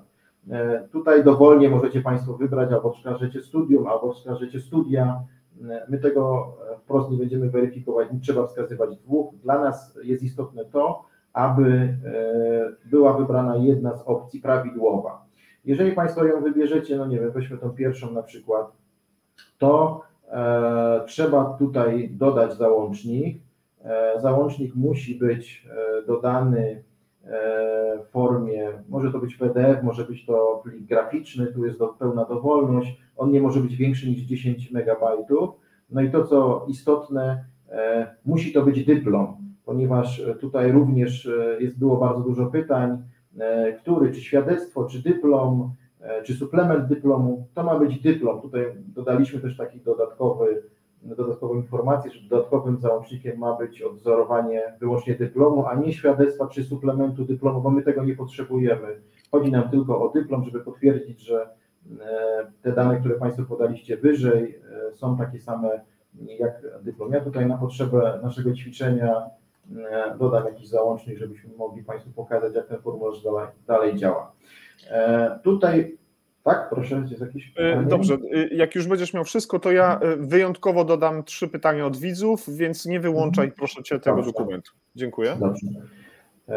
Kolejna część jest związana z tym obowiązkiem, który jest wpisany w ustawę o zawodzie ratownika medycznego, czyli każdy ratownik medyczny, który chce być dodany do spisu, musi opłacić kwotę 10 zł za wpis do spisu ratowników medycznych.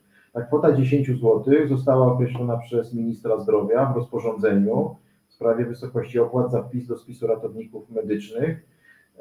Trzeba taką opłatę wnieść, jest podany numer konta, jest podane, co ma być w tytule przelewu, że ma być to opłata za wpis do spisu ratowników, imię i nazwisko ratownika medycznego, tak abyśmy mogli również zweryfikować, czy taka wpłata faktycznie się pojawiła. Tutaj również dodajemy załącznik, który ma być potwierdzeniem wykonania tego przelewu i przechodzimy do części związanej z oświadczeniami i zgodami. Wszystkie te oświadczenia i zgody są wymagalne. Nie przejdziemy formularza, jeżeli nie zaznaczymy wszystkich trzech. Pierwsza dotyczy posiadania zdolności do czynności prawnej. Jest to takie podstawowe oświadczenie, tak abyśmy mogli dalej procedować ten wniosek. Ten wniosek. Drugie jest związane z niebyciem skazanym prawomocnym wyrokiem za umyślne przestępstwo ścigane z oskarżenia publicznego lub umyślne przestępstwo skarbowe. I trzecia to jest zgoda na przetwarzanie danych osobowych, które Państwo podajecie w formularzu. Taką zgodę musicie wyrazić, ponieważ komitet organizacyjny będzie przetwarzał Państwa dane podane w formularzu na potrzeby weryfikacji tego wniosku, jak również na potrzeby organizacji wyborów. Osoby, które będą dodane do spisu, będą, będą te informacje, tak jak w przypadku innych zawodów, publikowane również, tak aby każdy wiedział, gdzie się znajduje i czy faktycznie się znalazł w spisie ratowników medycznych. I na końcu trzeba przepisać kod z z tego obrazka. To jest takie dodatkowe zabezpieczenie, które zostało wprowadzone przez e, Centrum E-Zdrowia. Ja tutaj e, uzupełnię teraz ten formularz jeszcze o te e, dane i jeszcze na początku Państwo pozwolicie, bo nie chyba nie wszystkie tutaj wpisałem, tak żeby to było już jasne.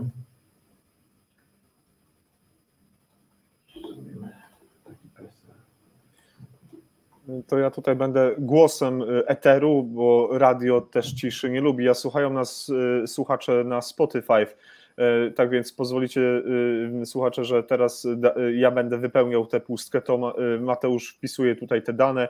Bardzo się cieszę, że po raz. O, zniknęło, że po raz tak, pierwszy. Ja muszę, muszę wygenerować taki techniczny numer PESEL. Przepraszam. A, ba, bardzo, bardzo proszę, dziękuję. Jestem bardzo wdzięczny Mateuszowi za to, że po raz pierwszy ten, ten, ten formularz jest publikowany. Jest on publikowany na antenie NT I przed chwilą była taka, taka, taki komentarz mm, Bartka Zimucha ja bardzo wdzięczny jestem za każdego widza czy słuchacza, który y, poświęca czas na to, żeby obejrzeć czy posłuchać Life i zwróciłem się do ponad 100 osób, a to y, Bartek napisał, że to tylko 100 osób na te 25 tysięcy, które są zainteresowane. To prawda, drogi Bartku e, i, i, i ja myślę, że mm, y, faktycznie chyba jest jakiś drobny kłopot z tym, żeby zadbać o własne bezpieczeństwo zawodowe w przyszłości, żeby czynnie brać udział w pewnych inicjatywach, zarówno przygotowawczych, zarówno tych na wczesnym etapie legislacji i z tej, z tej, naszej również aktywności.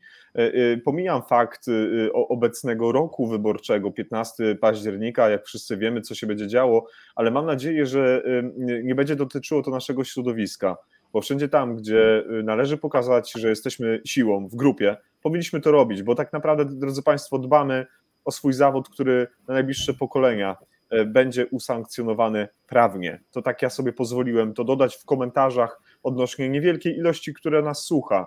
Faktycznie tak jest. To teraz z innej perspektywy, Bartku. Dziękuję. Dobrze, ja w międzyczasie wykorzystałem tą chwilę i wygenerowałem sobie taki techniczny numer PESEL, żebyśmy mogli przejść e, i jesteśmy na samym końcu tego wniosku. E, o, ja podjadę wyżej, mamy ten przycisk wyślij, Tutaj, jeżeli jesteście Państwo zainteresowani jeszcze dodatkową klauzulą związaną z przetwarzaniem danych e, gromadzonych w spisie, również e, klikając tutaj e, w to miejsce będzie sobie można taką klauzulę pobrać. Klikamy wyślij, a wiedziałem, że kod weryfikacyjny. Dobrze, to jeszcze raz to wyklikam. Nie zawsze te literki na tym obrazku są na tyle czytelne, żeby to było przechodziło. Postaram się to, nie wiem, czy to jest 0, czy to jest O. Jest z nami pan Marcin Warchoł. Panie Marcinie, y, cieszę się, że pan jest z małym opóźnieniem. Tak, audycja już trwa godzinę 13 minut. Troszeczkę mieliśmy na początku części wywiadowczej, troszeczkę o naszym gościu, później część wprowadzająca, a teraz elementy, te, które zostały dla Państwa przygotowane, a później QA, czyli Mateusz będzie do Państwa dyspozycji. Jest z nami 101 Paweł Wiktorzak, Warszawski Ośrodek. Cześć Pawle. E, gość Life również. E, fantastycznie, że z nami dzisiaj jesteś. Mateusz wygeneruje ten dokument, krok po kroku pokazywał e, Państwu, z czego one się składają, te pozycje na tym arkuszu. Czy, czy nie wiem, czy, czy, czy, możemy, czy dzisiaj on już zostanie udostępniony, czy mamy jakiś link, gdzie on się znajduje, czy jeszcze będziemy musieli czekać na jakieś tutaj prawne kwestie, Mateuszu? My jesteśmy tak naprawdę już na samym e, końcu przygotowania e, i udostępnienia produkcyjnie tego formularza. E, planujemy zakończenie prac nad regulaminem wyboru delegatów na bazie tych dokumentów, które zostały udostępnione, w szczególności tego dokumentu, który podlegał konsultacjom, czyli ramowych założeń wyboru delegatów. Obecnie u nas wewnętrznie też troszkę odsłaniając, odsłaniając kuchnię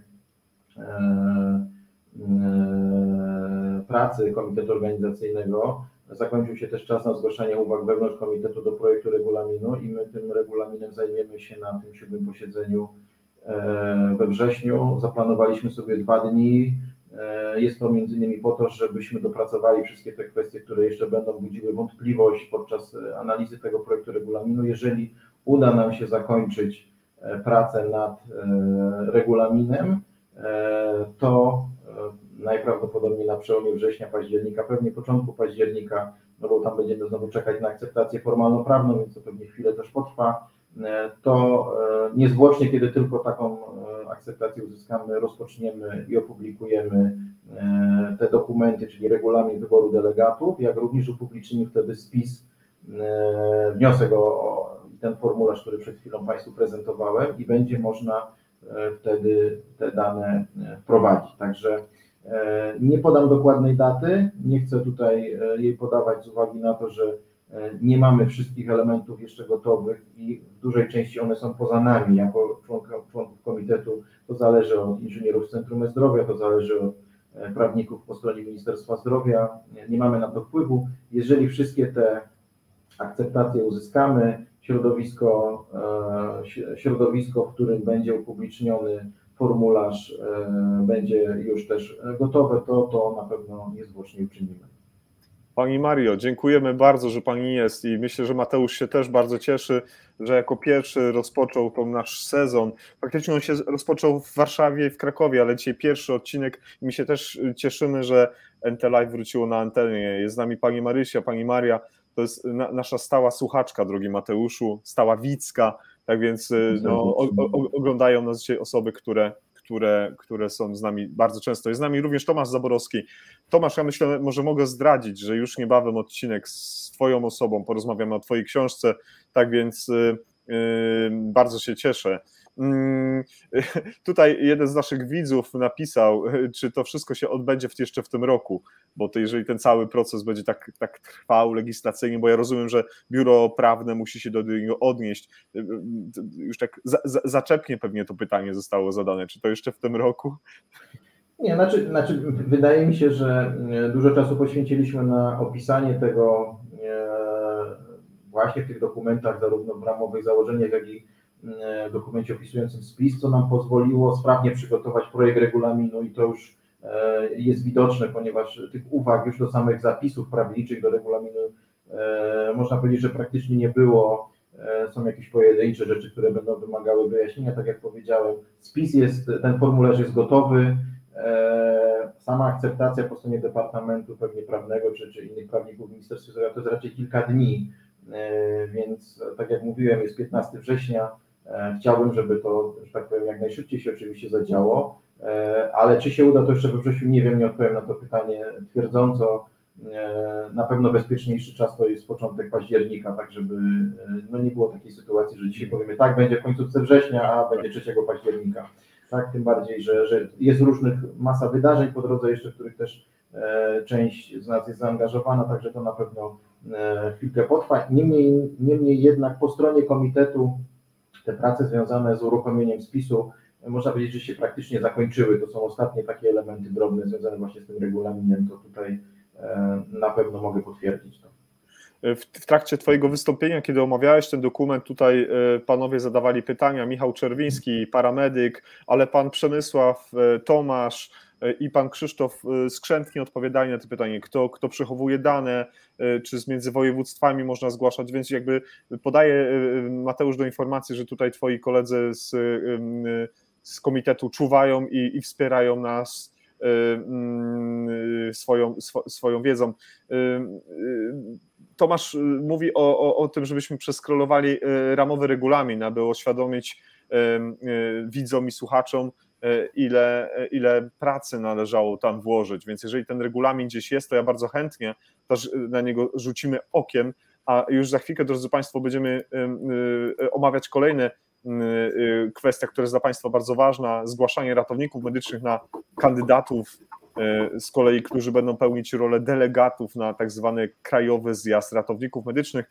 Więc jeżeli Mateusz masz ten regulamin, żeby można było przeskrolować, to ja bardzo proszę, a, a za chwilkę będziemy rozmawiać o zgłaszaniu właśnie e, braci i sióstr w, w, ratownictwie medycznym, żeby te delegatury były e, komponowane. E, bardzo dziękuję za to wprowadzenie. Wyświetliłem Państwu ten dokument. Jest to wersja 2.3. Ona jeszcze jest projektem z uwagi właśnie na to, że nie zakończyły się te prace związane z akceptacją formalno-prawną tych założeń, aczkolwiek my jako komitet organizacyjny już tutaj nie, nie dokonujemy modyfikacji. Ta wersja 2.3 jest to wersja już po konsultacjach publicznych tego dokumentu. Przypomnę, udostępniliśmy go tak, aby każdy mógł przez okres 14 dni E, zgłosić jakieś uwagi. Ten dokument nie jest bardzo długi, bo ma 25 stron. E, odejmując okładkę, odejmując historię dokumentu i metrykę, to można powiedzieć, że w 20 stronach się zmieściliśmy. E, ten dokument opisuje najważniejsze elementy. Ja tutaj Państwu przejadę do spisu treści, tak żebyśmy sobie to uświadomili. Przede wszystkim spis ratowników medycznych, plan komunikacji, złożenie wniosku o wpis do spisu ratowników medycznych, zgłoszenie kandydata na delegata Krajowego Zjazdu Ratowników Medycznych, e, jak będziemy postępować z listą kandydatów na delegatów na Krajowy Zjazd w poszczególnych województwach, jaką przyjęliśmy liczbę delegatów na Krajowy Zjazd, terminy i lokalizacje zgromadzeń wojewódzkich, rejonowych zgromadzeń wojewódzkich, komisje przeprowadzające wybory, jak będziemy publikować wyniki, jak wygląda termin Krajowego Zjazdu Ratowników Medycznych, jak wygląda publikacja wyników na poszczególnych stanowiskach władzach przyszłego samorządu, no i zakończenie działalności komitetu, no bo ten moment też kiedyś nastanie w momencie, kiedy wybierzemy e, te władze. Nie wiem, czy jest jakiś obszar, na którym e, chcesz, żebym się chwilę dłużej zatrzymał.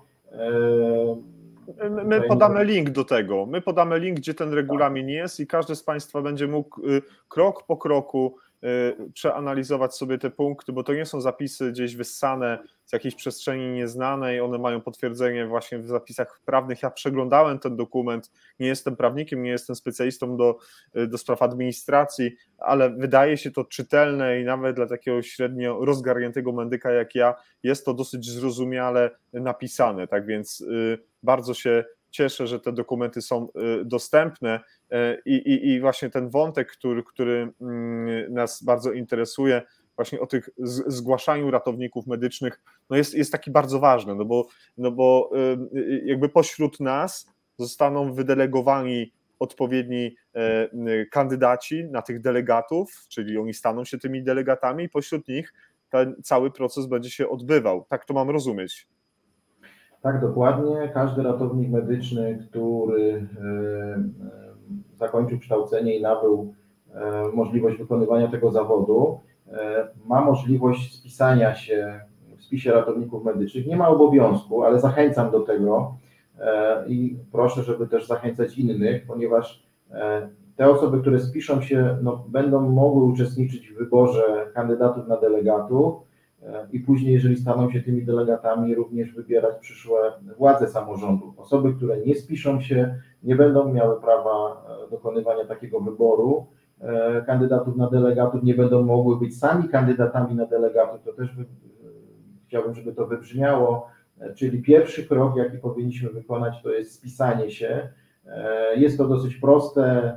My, jako komitet organizacyjny, również w ramach planu komunikacji szykujemy się do tego tak, aby trafić do jak największej rzeszy ratowników medycznych. Nie jest to oczywiście ani łatwe, ani proste, ponieważ no, rejestru ratowników nie ma na dzień dzisiejszy. Są oczywiście organizacje zrzeszające ratowników medycznych, są instytucje, w których ratownicy medyczni e, pracują, niemniej jednak e, no nie zawsze, e, nie zawsze mamy tutaj stuprocentową pewność, że wszystkich ratowników poinformujemy, bo takie pytania też się pojawiły.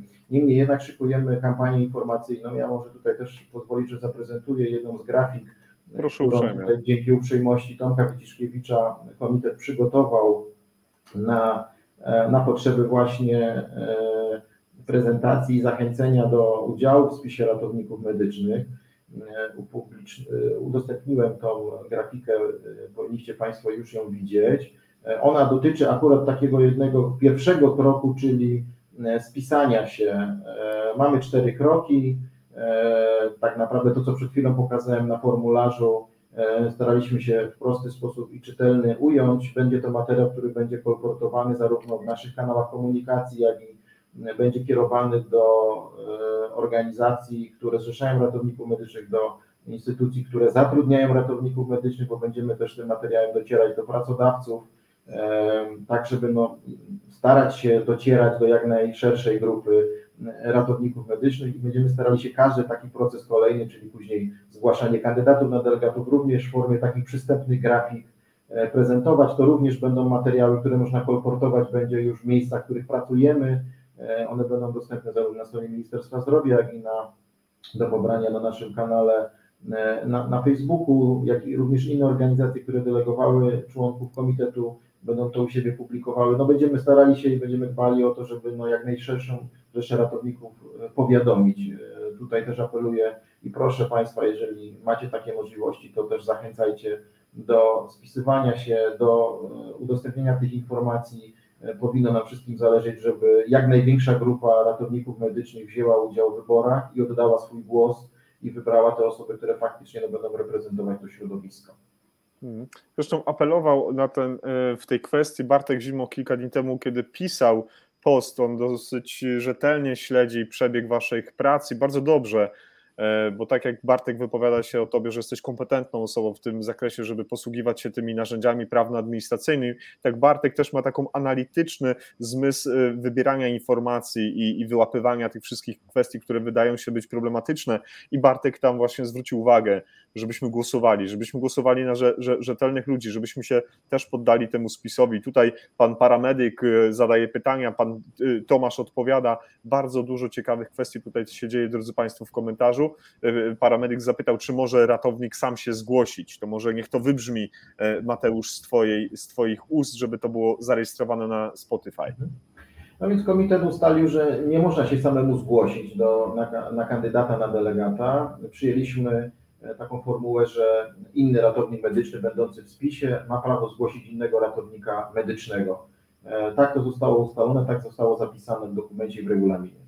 Mhm, Okej, okay, świetnie. Tutaj są pytania odnośnie kosztów i tak dalej, e, e, więc za chwilkę e, te wszystkie pytania będą się jeszcze przewijały, bo one też będą pewnym podsumowaniem tej ostatniej naszej części. Dobrze, o roli mówiliśmy, o finansowaniu mówiliśmy, mówiliśmy o etapach prac, w trakcie których teraz komitet jest, to co zostało zrobione. Y, ci wszyscy Państwo, którzy nas dołączyli, pamiętajmy, że komitet nie działa od stycznia 2023 roku.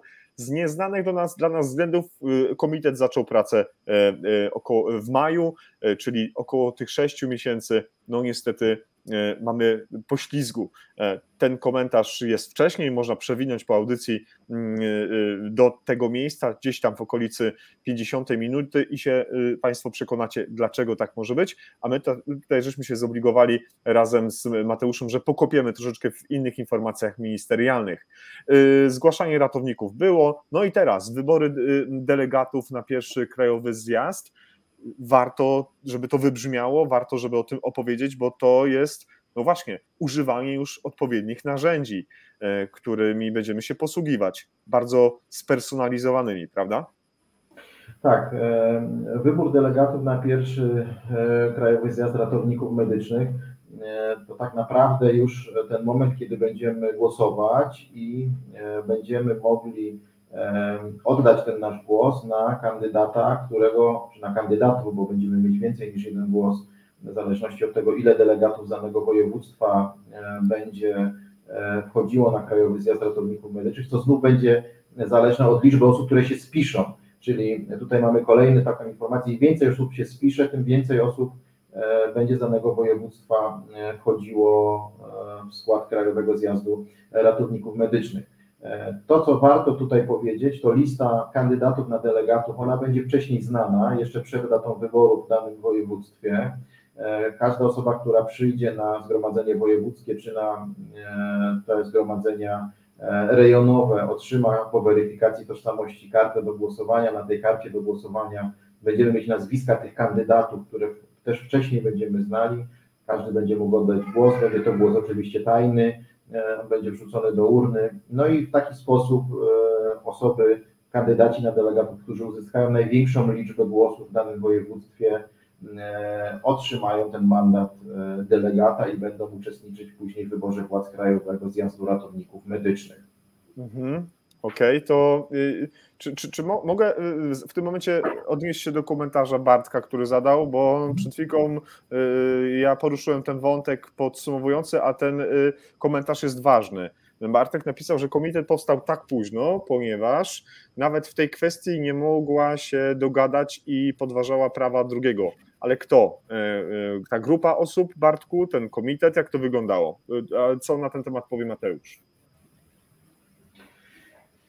Znaczy, Szanowni Państwo, no, trzeba też stać, wydaje mi się, na, na gruncie przepisów i prawa. Jeżeli powstały wątpliwości co do mm, możliwości zgłaszania przez jakieś organizacje e, kandydatów na, na tych delegatów, czy w ogóle dana organizacja mogła zgłosić e, i takie pytania zostały wystosowane do Ministerstwa Zdrowia, no to wydaje mi się, że e, dobrze, że to się stało na samym początku, ponieważ pamiętajmy, że no niedobrze by było, gdyby komitet zaczął działać z wadą prawną, tak? Jeśli chodzi o, o, o działanie na gruncie przepisów obowiązujących, e, obowiązującego prawa. Także e, przypuszczam, że w tym okresie e, te, te wyjaśnienia i te ustalenia po stronie Ministerstwa Zdrowia i tych organizacji, które zgłosiły kandydatów trwały. Przypuszczam, że to, to się wtedy odbywało. Tak? Nie odpowiem Państwu na 100%, bo nie wiem, nie, nie uczestniczyłem w tym. Niemniej jednak pewnie to w tym okresie się działo. Mhm. Dziękuję za ten komentarz.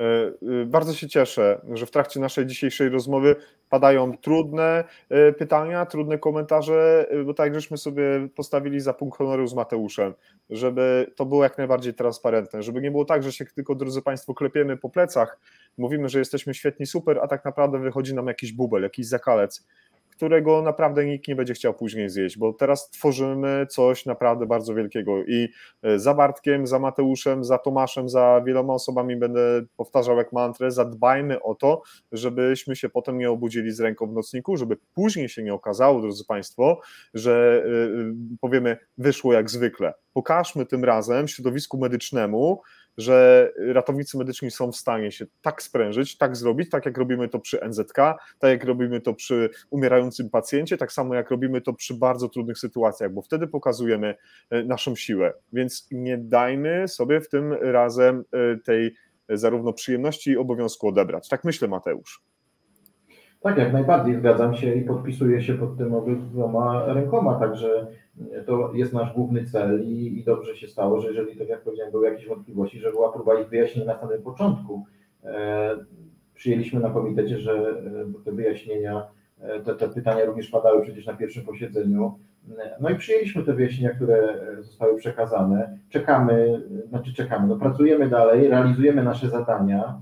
E, nie patrzymy do końca historię, no bo to już jest coś, co się zdarzyło, na co pewnie nie mamy wpływu, nie zmienimy tego E, skupiamy się teraz na merytorycznym przygotowaniu e, tych wszystkich dokumentów i materiałów, żeby jak najszybciej e, uruchomić spis ratowników medycznych i rozpocząć pierwsze wybory w poszczególnych województwach, aby wybierać delegatów i później organizować krajowy zjazd. Wydaje mi się, to jest naszym wspólnym celem, ale pamiętajmy zawsze o merytoryce, o tym, żeby to było zgodne z przepisami i transparentne, żeby nam nikt nie zarzucił, czy później historia, że postąpiliśmy w taki, a nie inny sposób. Stąd e, nasza rola jako komitetu jest podwójnie trudna, ponieważ, e, tak jak powiedziałem, my jesteśmy medykami, e, mamy no, większe, mniejsze doświadczenia z tego obszaru formalno-prawnego, ale staramy się tutaj wspólnie do tego, aby było to zrobione zgodnie właśnie z obowiązującymi przepisami. Przekazujemy te dokumenty do akceptacji osób, które mają kompetencje w tym obszarze, E, tak żeby to zweryfikowały, zwróciły uwagę, czy zgłosiły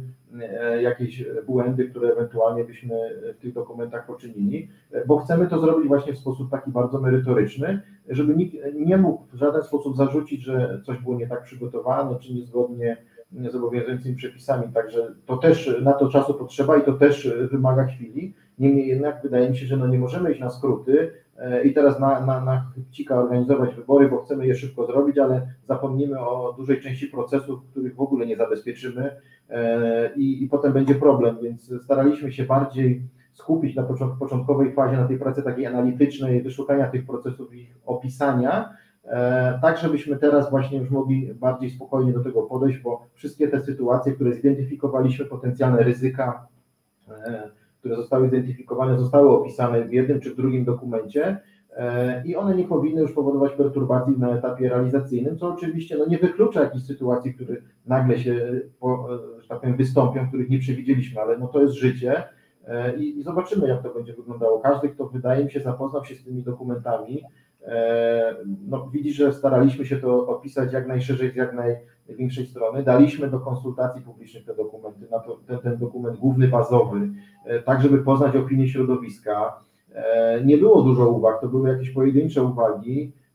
Te, które mogliśmy, uwzględniliśmy w całości, te, które mogliśmy w części, to uzgodniliśmy i zmodyfikowaliśmy ten dokument, tak żeby właśnie wsłuchać się też w te potrzeby i, i w te uwagi, które też zgłaszało środowisko. Także mając na uwadze to, że tych uwag było właśnie niedużo i one dotyczyły takich bardzo drobnych elementów, no to też pokazuje, że ten czas poświęcony na przygotowanie tych materiałów zabezpiecza e, nas wszystkich, bo to nie tylko chodzi o członków komitetu, ale nas wszystkich, że te wybory są e, przygotowywane no, na takim bardzo mocnym fundamencie. Doskonale. Y, y, pani Saba Struś. Pani Sabo, za chwilkę będzie QA. Jest Pani z nami od chyba, może nie od początku. Pozwoliśmy się sobie zostawić tę ostatnią część y, rozmowy, dyskusji między Państwem a Mateuszem. Za chwilkę będzie, będzie Mateusz odpowiadał na wszystkie pytania. Mateusz, mm, bądź tak uprzejmy, podaj mi link do tej listy wszystkich punktów, wszystkich uwag, które zostały wysłane do Was po konsultacji społecznej, żebyście Państwo mieli wgląd na to, o jakie kwestie były pytania, jakie, jakie y, te najważniejsze y, problematyczne sytuacje y, wzbudzały właśnie wątpliwości. Przejrzyjcie je i sami ocencie, czy bylibyście w stanie tam jeszcze coś dołożyć, ale pamiętajcie, że czas na konsultacje społeczne minął. To, jeżeli, to ma... jeżeli pozwolisz, to ja udostępnię jeszcze, bo o tym nie mówiliśmy, gdzie tak naprawdę te wszystkie materiały można, że tak powiem. Tak, e, tak. To, to jest kolejny punkt, tak. Przed tym wejściem do, do QA, tak, to fakt. Ja Państwu udostępniłem pod stronę dedykowaną, macie tam u góry link. Ja też Ci przesłałem już na czacie naszym wewnętrznym link do tej strony, jeżeli mógłbyś też upublicznić wszystkim. Jest to podstrona dedykowana Komitetowi Organizacyjnemu Samorządu Ratowników Medycznych. Zachęcam do korzystania z linku, bo dostanie się e, przez tą stronę do tego miejsca, gdzie teraz tu Państwu wyświetlam, jest trudne, więc e, jest oczywiście możliwe, ale zachęcam, prościej będzie przez ten link. Tutaj są podstawowe informacje o komitecie, o składzie, kto, kto w skład tego komitetu wchodzi, z jakiej organizacji, jaki jest kontakt z nami, tak, bo mamy adres mailowy, na który również trafiają do nas pytania. E, tu jest też informacja o naszym e, profilu na Facebooku. Jest to dodatkowy kanał komunikacyjny, e, którym się posługujemy. Mamy podstawy prawne, tutaj wszystkie ustawy, rozporządzenia, zarządzenia, w oparciu o które działamy, ale również myślę, że to, co jest najbardziej interesujące, są wszystkie materiały od samego początku związane z działalnością komitetu. Mamy wszystkie uchwały, które komitet podejmował E, mamy również protokoły z poszczególnych posiedzeń. Tam jest informacja, nad czym się zajmowaliśmy, jakie ustalenia podjęliśmy.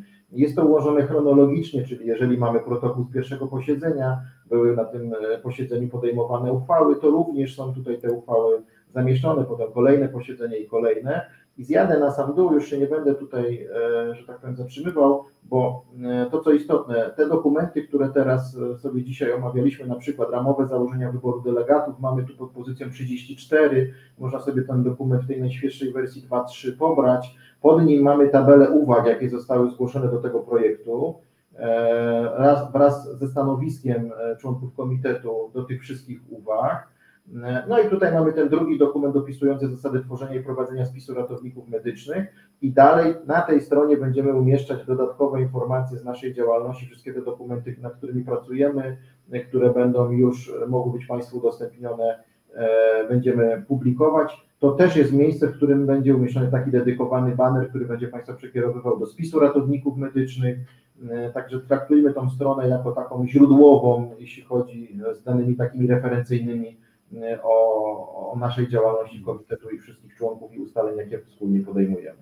Właśnie pozwoliłem sobie, drodzy Państwo, zamieścić w komentarzach wszystkich członków komitetu, wszystkie 23 osoby, e, łącznie z linkami. Znajdźcie, zobaczcie, czy kogoś z tych osób znacie, konsultujcie się, e, rozmawiajcie, korzystajcie z, z tych osób, które, które przechodzą ten, ten, ten proces u podstaw. Często, nie wiem, boimy się może zapytać, może się krępujemy, pytajmy, bo im więcej tych pytań będzie, tym mniej wątpliwości później w momencie, kiedy będziemy decydować. Ja mam takie pytanie przy liście, obec, przy liście wszystkich osób. Przy wszystkich Waszych spotkaniach, jaka była frekwencja? Ile było absencji chorobowych? Ile osób nie, nie, nie było, bo nie mogło, bo dyżur, bo, bo czkawka, bo wyjazd na wakacje? Czy we wszystkich spotkaniach uczestniczyli wszyscy członkowie komitetu? No, oczywiście nigdy nie ma tak, że mamy 100% frekwencji, tak? Działamy w trybie hybrydowym, żeby ułatwić e, obecność na posiedzeniach, e, więc jest możliwość fizycznego przyjazdu do Ministerstwa Zdrowia, w którym te posiedzenia się odbywają, ale również e, możliwość wzięcia udziału w formie zdalnej poprzez aplikację Teams.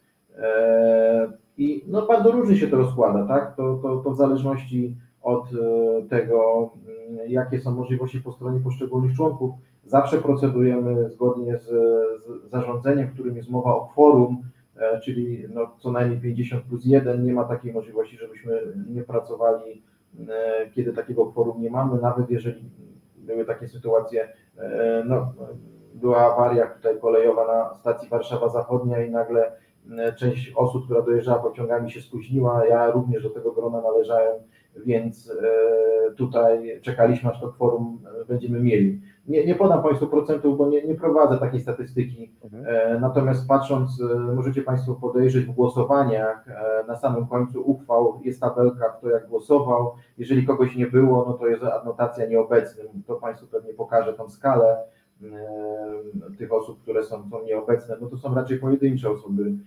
To nie jest tak, że, że nie ma większości. Także wszyscy się starają z członków, żeby no, uczestniczyć w tych pracach, bo są też żywo zainteresowani. No i zdają sobie też sprawę z odpowiedzialności, jaka na nich spoczywa. Także mm. tutaj akurat no, nie mamy problemu z kworum, tak, żeby nie, nigdy nie było takiej sytuacji, że odwołaliśmy jakieś posiedzenie, bo nie było tego kworum. Także Jasne. działamy. Okres wakacyjny nie sprzyja na pewno stuprocentowej frekwencji, no ale e, zdecydowaliśmy się na pracę i, i na posuwanie się naprzód. Staramy się mhm. e, to tak robić, żeby każdy miał, czy to w okresie między posiedzeniami, czas na zgłoszenie uwag, czy fizycznie na posiedzeniu. Nigdy nie ma takiej, nie doprowadzamy do takiej sytuacji, że jest problem z tym, żeby się ktoś wypowiedział, bo go na przykład nie było. Także zawsze, jeżeli ktoś chce, mamy zawsze taki punkt w posiedzeniu sprawy różne, E, i to jest miejsce do zgłoszenia no, jakichś sytuacji, które ktoś opuścił na przykład, a chciałby jeszcze się wypowiedzieć, także też zadbaliśmy o taki aspekt, e, żeby nawet jeżeli kogoś nie ma, to też się mógł wypowiedzieć w jakimś temacie, który go interesuje. No właśnie, a ja mam takie pytanie, które się tu też pojawiło. To, że przekazaliście pewne rzeczy do konsultacji społecznej, to nie było waszym obowiązkiem, to nie jest legislacyjny nakaz, który wam y, to właśnie nakazuje. Dlaczego taka decyzja? Chcieliście być A, transparentni, B, chcieliście zrzucić z siebie odpowiedzialność, C, nie potrafiliście podjąć decyzji, D, lubicie współpracować w zespole wszystkich ratowników medycznych w Polsce? Na pewno tutaj było kilka czynników. Pierwszy to na pewno ta transparentność, żeby nie doprowadzić do takiej sytuacji, że grupa osób, która została wybrana do komitetu, podjęła jakieś decyzje ważne dla środowiska, mhm. od których będzie zależało tak naprawdę, co się będzie działo w przyszłości z samorządem, jak on będzie wybierany. Uznaliśmy, że to są na tyle poważne kwestie, że trzeba się podzielić e, tą informacją, zanim ją ostatecznie przyjmiemy jako komitet. E, nie, to nie było na pewno zrzucanie odpowiedzialności, ponieważ dokument zawierał konkretne rozwiązania, tam nie było miejsc wykropkowanych, że nie wiemy, czekamy na propozycje konkretne rozwiązanie przygotowaliśmy i poddaliśmy jej takiej krytyce. E, staraliśmy się wsłuchać też w głosy, ponieważ pojawiały się takie komentarze na mediach społecznościowych wskazujące, że no dobrze by było, żeby ten dokument został upubliczniony. E, za to też bardzo dziękuję, bo to też pomogło, wydaje mi się, z taką otwartością też komitetu i tego, co, co, co zaprojektowaliśmy, wykonaliśmy. Także bardziej chcieliśmy się wsłuchać w te ewentualne wątpliwości, bo możliwe, że niektórych rzeczy nie zauważyliśmy, czy pracując już na pewnych dokumentach wielokrotnie, czytając je, e, może o czymś zapomnieliśmy, bardziej to taka dodatkowa kontrola, ale właśnie po to, żeby podnosić jakość, e, nie ukrywać się z tymi materiałami, nie wyciągać ich gdzieś z kapelusza, e, tylko dzielić się jeszcze na tych etapach, kiedy możemy coś jeszcze zmienić. To też taki cel przyświecał tutaj członkom komitetu w tym zakresie. Mhm, okej, okej. Dobrze, y, to teraz, żebyśmy już nie y, zbytnio y, rozciągali naszej audycji, czy z tych rzeczy, które Mateusz mieliśmy zaplanowane, wymieniliśmy, odnieśliśmy się w tych punktach do wszystkich, bo ja tutaj próbuję e, też robić inne rzeczy, więc jeżeli coś mi umknęło, mówiliśmy o wątpliwościach interpretacji zapisów, mówiliśmy o wyborach delegatów, zgłaszanie ratowników medycznych na kandydatów, mówiliśmy o tym spisie, Mówiliśmy o obecnych etapach prac y, komitetu. Y, y, czy coś jeszcze na tym etapie jest na naszej liście must have do dodania? Wydaje mi się, że wszystkie te tematy, które zaplanowaliśmy, poruszyliśmy. Myślę, że ważne będą też te pytania, które teraz do Ciebie spływają, które są zadawane. To, na co chcę zwrócić uwagę, to tym najbliższym elementem, który będzie dotyczył wszystkich ratowników medycznych, to jest spis do którego zachęcam i korzystając z tego kanału, y, proszę, żebyście Państwo wzięli udział w tej czynności. Jest to taki element, który y, na pewno też zapisze się w historii. Będzie to tylko raz, nie będzie drugi raz takiej sytuacji, ponieważ w przyszłości no, te listy będą tworzone w oparciu o dane z rejestru ratowników medycznych. Naprawdę warto. Drodzy Państwo, to y, jak teraz w ostatnim czasie mamy wybory parlamentarne i, i tak dalej, i tak dalej, wszyscy powtarzają, że to są najważniejsze wybory od 1989 roku, to to jest dopiero petarda, drodzy Państwo. My mówimy o czymś, co się jeszcze nigdy w galaktyce po tej stronie y, wszechświata nie działo, więc koniecznie zepnijmy nasze ratownicze tyłki i nie dajmy sobie tego prawa, obowiązku i przywileju odebrać. A jeżeli to zrobimy, to będzie tylko i wyłącznie świadczyło o tym, że naprawdę mamy, przepraszam za wyrażenie, w czterech literach pewne rzeczy. E, I ja nie chcę tutaj stać po jakiejkolwiek stronie, czy po jednej, czy po drugiej. Będę dziennikarsko patrzył na problem. Będę się temu, temu procesowi bardzo mocno przyglądał. Stąd też powiedziałem Mateuszowi, żeby nasza audycja nie była pierwsza i ostatnia. Mam nadzieję, że w niedalekiej przyszłości będą e, e, chętni do tego, żeby z komitetu zaprosić wskazane osoby, które będą chciały, może będą to e, opinie państwa, żeby te osoby usiadły po drugiej stronie i z nami przydyskutowały. A jeżeli się coś dzieje niepokojącego, jeżeli widzicie Państwo pewne nieprawidłowości, alarmujcie i mówcie, że coś nie działa. Dobrze, jesteśmy przy pytaniach bardzo bym chciał. Yy, Okej, okay, to może od dołu zaczniemy. Pan Konrad, yy, jaki okres spisu i jaki okres głosowań wojewódzkich został przyznany? No więc czas na e, spis e, ratowników medycznych jest to 30 dni od momentu, kiedy zostanie ogłoszony, będzie dedykowana uchwała w tym zakresie komitetu, która będzie wskazywała datę rozpoczęcia spisu, datę zakończenia, ale łącznie, sumarycznie będzie to 30 dni, liczonych e, e, również z weekendami, e, tak zostało to opisane, jaki okres głosowań wojewódzkich. Następnie po zakończeniu spisu i zakończeniu weryfikacji wszystkich elektronicznych formularzy, będzie upubliczniony spis, tak żeby każdy mógł sprawdzić, czy faktycznie jest tam, pomimo tego, że otrzyma taką informację, ale czy faktycznie do właściwego województwa został przyporządkowany. Będzie też czas na ewentualną korektę danych w tym spisie, bo to wszystko żyje, te dane przecież funkcjonują na co dzień, e, więc tutaj będzie też kilka dni na taką weryfikację tego. Potem będziemy mieli 14 dni na zgłaszanie kandydatów na delegatów i wtedy, kiedy e, te wszystkie wnioski do nas spłyną, zostaną też zweryfikowane pod względem formalnym e, ich prawidłowość, czy, czy te dane zawarte są faktycznie prawidłowe z tymi danymi, które mamy w spisie, zostaną upublicznione te e, dane kandydatów na poszczególnych delegatów w poszczególnych województwach. No i później będzie ogłoszony termin wyborów w poszczególnych województwach znając tą, tą kuchnię przygotowania grafików dla ratowników medycznych, będziemy starali się jako komitet, żeby to było jak najwcześniej, e, żeby te daty e, były jak najwcześniej.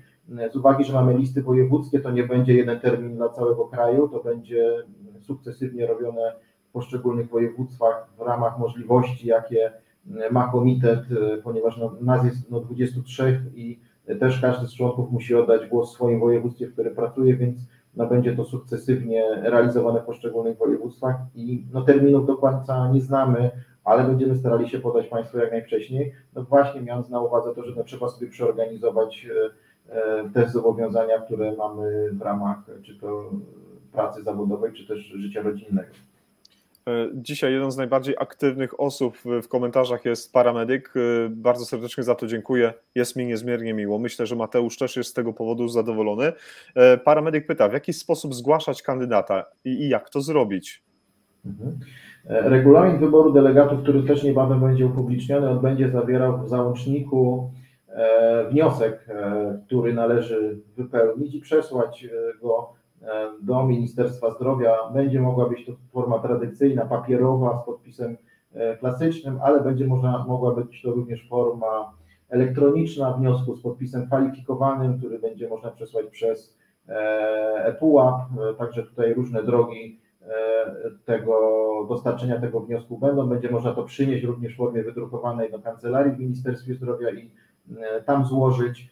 Zwracam tylko uwagę na te terminy. E, żeby się zmieścić w tych 14 dniach. Jeżeli będziecie Państwo wysyłać te wnioski pocztą tradycyjną, to decyduje data wpłynięcia do Ministerstwa Zdrowia, ponieważ e, mamy bardzo złe doświadczenia, jeśli chodzi o dostarczanie przesyłek terminowych. Jeżeli będziecie wybierać taką formę i taką drogę dostarczenia, to zachęcam do korzystania z firm raczej kurierskich, których no, jesteście, będziecie Państwo pewni, że ta przesyłka w konkretnym czasie trafi do Ministerstwa Zdrowia.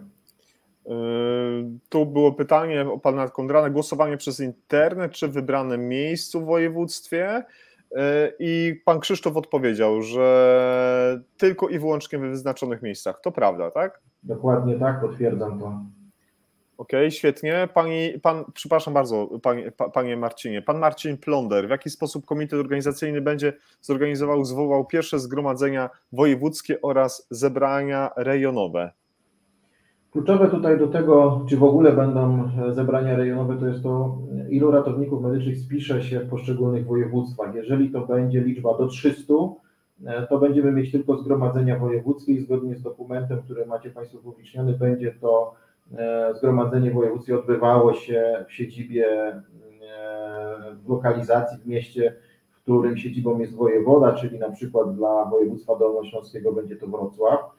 Jeżeli będziemy mieć więcej niż 300 ratowników medycznych w spisie, wtedy nie będziemy mieć zgromadzenia wojewódzkiego, a będą zebrania rejonowe e, i każde przekroczenie kolejnej liczby 300 ratowników medycznych, czyli 600, 900, 1200 spisanych e, w danym województwie, e, tyle będziemy mieć zgromadzeń wojewódzkich, z czego co najmniej jedno będzie też w mieście wojewódzkim, który, dla którego siedzibą jest wojewoda których innych województwach tego nie wiemy, bo nie wiemy z jakich miejscowości spisze się najwięcej ratowników medycznych. Przyjęliśmy kryteria takie, że e, te lokalizacje kolejne będą to lokalizacje, w których no, spisze się najwięcej ratowników medycznych, tak? Czyli załóżmy, weźmy to Dolnośląskie, bo to jest dobry przykład. Jeżeli na przykład w województwie dolnośląskim spisze nam się 350 ratowników medycznych, e, z czego e, jedno zebranie rejonowe będzie w mieście wojewódzkim, czyli we Wrocławiu, a zna, znacząca większość ratowników spisze się z Legnicy i okolic, to na przykład wtedy to rejonowe będziemy lokalizowali właśnie na przykład w Legnicy. Taki, taki klucz przyjęliśmy, także do, do momentu zakończenia spisu nie będziemy wiedzieli, ile będzie tych miejsc i które to będą miejsca poza miejscowościami, w których e, siedzibą jest wojewoda. Mm, no świetnie, doskonale. Tutaj jeszcze pojawiło się jedno pytanie trochę podobne, jak było wcześniej, e, odnośnie 14 dni do spisu, a jaki okres głosowań wojewódzkich? Nie, nie wiem do końca o co chodzi z tym okresem głosowań wojewódzkich, w sensie takim zakończymy spis, będzie czas na zgłoszenie kandydatów na delegatów kolejne 14 dni, e, no i w międzyczasie pojawią się terminy głosowań, a jeśli chodzi już o stricte samo głosowanie i możliwość oddania głosu, będzie to jeden dzień, w konkretnych e, godzinach. E, nie, nie, nie planujemy tutaj e, takiego okresu, że będzie kilka dni wyznaczonych, ponieważ no byłby to problem z przechowywaniem tej urny w trakcie głosowania, tych kart do głosowania. Przyjęliśmy, że będzie to jeden okres czasu w konkretnych godzinach. Mhm, doskonale, bardzo dziękujemy. Tu już były te pytania. Ja postaram się jak najsprawniej zamieszczać poszczególne. Bartek pyta o miejsce przeprowadzania wyborów. Tak jak powiedziałem wcześniej, na pewno jest to miasto e, wojewódzkie, natomiast e, które dodatkowe lokalizacje, jeżeli będzie mieć więcej niż 300 ratowników medycznych, e, to będzie zależało z, którego, z, której, z których miejscowości się ratownicy medyczni spiszą i będziemy starali się tak lokować jako komitet te lokalizacje, aby no nie trzeba było przyjeżdżać na drugą część województwa, tak, także zachęcam tutaj też do, do takiej aktywności lokalnej, im więcej osób z danego terenu się spisze, tym jest większa szansa, że to, to, to, to rejonowe zebranie będzie tutaj w, w okresie, w lokalizacji, z której będzie najwięcej ratowników medycznych. Pan Tadeusz Skowroński, Panie Tadeuszu, bardzo uprzejmie dziękuję za dzisiejszy czas, że jest Pan z nami. Pyta, czy jest określona minimalna ilość ratowników, którzy muszą się spisać, aby były, aby wybory były ważne. Nie przewidujemy takiego kworum tak zwanego, ponieważ no, e, nie wiemy tak naprawdę, jak się ukształtuje ten poziom udziału ratowników medycznych. Każdy głos, który będzie oddany, będzie głosem ważnym. E, w tej dyskusji oczywiście pojawiły się na komitecie kwestie dodawania tego progu, czy nie dodawania. Są oczywiście argumenty za i przeciw. E, tutaj zwracam uwagę na to, że te rozwiązania, które funkcjonują w sytuacji, kiedy no, w pierwszym terminie nie ma kworum, jeżeli ono byłoby ustalone, musielibyśmy wyznaczać dodatkowy termin. On często jest godzinę, dwie po zakończeniu wyborów w pierwszym terminie. No szansa, że będzie to kworum w drugim jest e, no jeszcze mniejsza niż w tym pierwszym terminie. Tym bardziej ten termin byłby bardzo, bardzo ad hocowy, więc przyjęliśmy e, jako zasadę, że nie będzie tego kworum. E, osoby, które będą chciały zagłosować, ten głos się nie zmarnuje, będą mogły zrobić to w czasie, który jest przewidziany i, i no nie zakładamy tutaj jakiegoś kworum, że będzie to 40 czy 50%, no bo tak jak mówię, sami byśmy sobie trochę taką przysłowiową pętlę na szyję powiesili, bo e, wpisywanie później w regulaminie, że drugi termin już kworum nie wymaga, no to takie trochę sztuczne, e, sztuczne działanie, które no, no, w naszej ocenie nie, nie znalazło tutaj uznania i e, wskaza, raczej wskazywaliśmy to jako takie ryzyko e, realizacji po prostu wyboru i wyboru tych delegatów.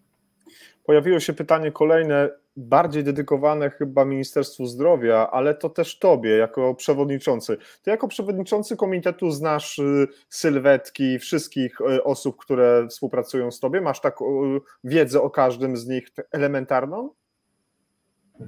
No nie, to, to nie mam takiej wiedzy. To, to bo, bo pojawiło się pytanie, pojawiło się pytanie, może bardziej kierowane rzeczywiście do Ministerstwa Zdrowia. Na jakiej podstawie w komitecie zasiada pani Przybysz? Nie jest to związek zrzeszający ratowników medycznych, w którym ona jest albo, albo no, no, przebywa.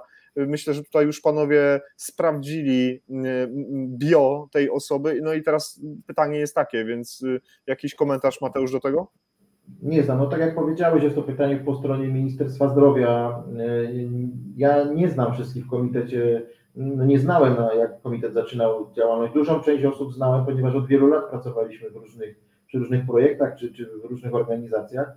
E, natomiast no, nie jestem w stanie mieć takiej pełnej informacji. Poza tym ja jestem zwolennikiem zawsze takiej pracy, e, pracy u podstaw i przekonywania się o tym, co dana osoba sobą reprezentuje pracując nad danym materiałem, także e, te wszystkie zasłyszane jakieś tam informacje, że ten jest taki, ten jest taki, no ja nie wchodzę w coś takiego w mojej ocenie, no jest to całkowicie niemerytoryczne, każdy pochodzi z jakiegoś środowiska, jakoś to, tą swoją drogę kariery e, pokierowało, raz życie, raz e, też pewne decyzje danej osoby. Nie wiem, nie znam odpowiedzi na, na, na pytanie właśnie, no, dlaczego tak, takie osoby, a nie inne weszły czy akurat ten związek mógł zgłosić, czy nie, bo no nie, nie mam takiego wniosku. No przypuszczam, że zrzeszają ratowników medycznych, stąd, stąd pewnie e, taki klucz, a jak faktycznie jest to, to, to takiej informacji nie mamy.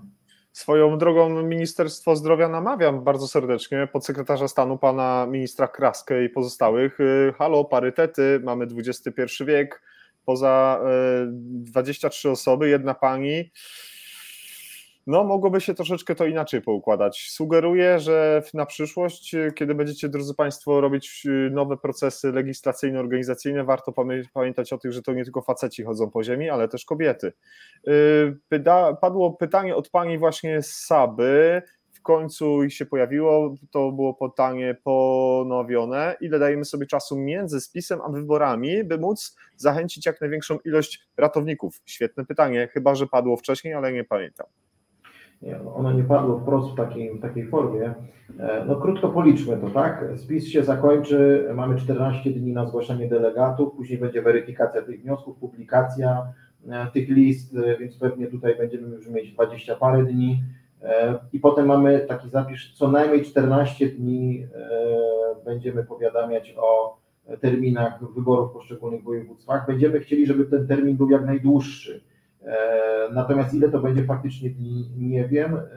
Mamy to zapisane jako co najmniej, czyli nie usztywniamy się Pierwotnie było 14 dni na sztywno wpisane, teraz daliśmy po konsultacjach właśnie publicznych tego dokumentu co najmniej 14. Wykorzystamy każdy dzień, jeżeli tylko będziemy e, mogli te daty określić, to będziemy je znacząco e, wcześniej e, publikować. Na pewno te pierwsze terminy, no tu będzie troszeczkę mniej pewnie czasu niż na drugi, trzeci, czy tam nie wiem ile będzie tych terminów łącznie, bo tego jeszcze nie wiemy, to będzie zależało ile miejsc będziemy mieli których będzie trzeba przeprowadzić wybory i przygotować, wystawić komisje przeprowadzające te wybory, e, więc na pewno te terminy e, dla tych e, wyborów w tych województwach, które będą na samym końcu tego łańcuszka, no będzie dużo więcej czasu na to, żeby poznać te terminy.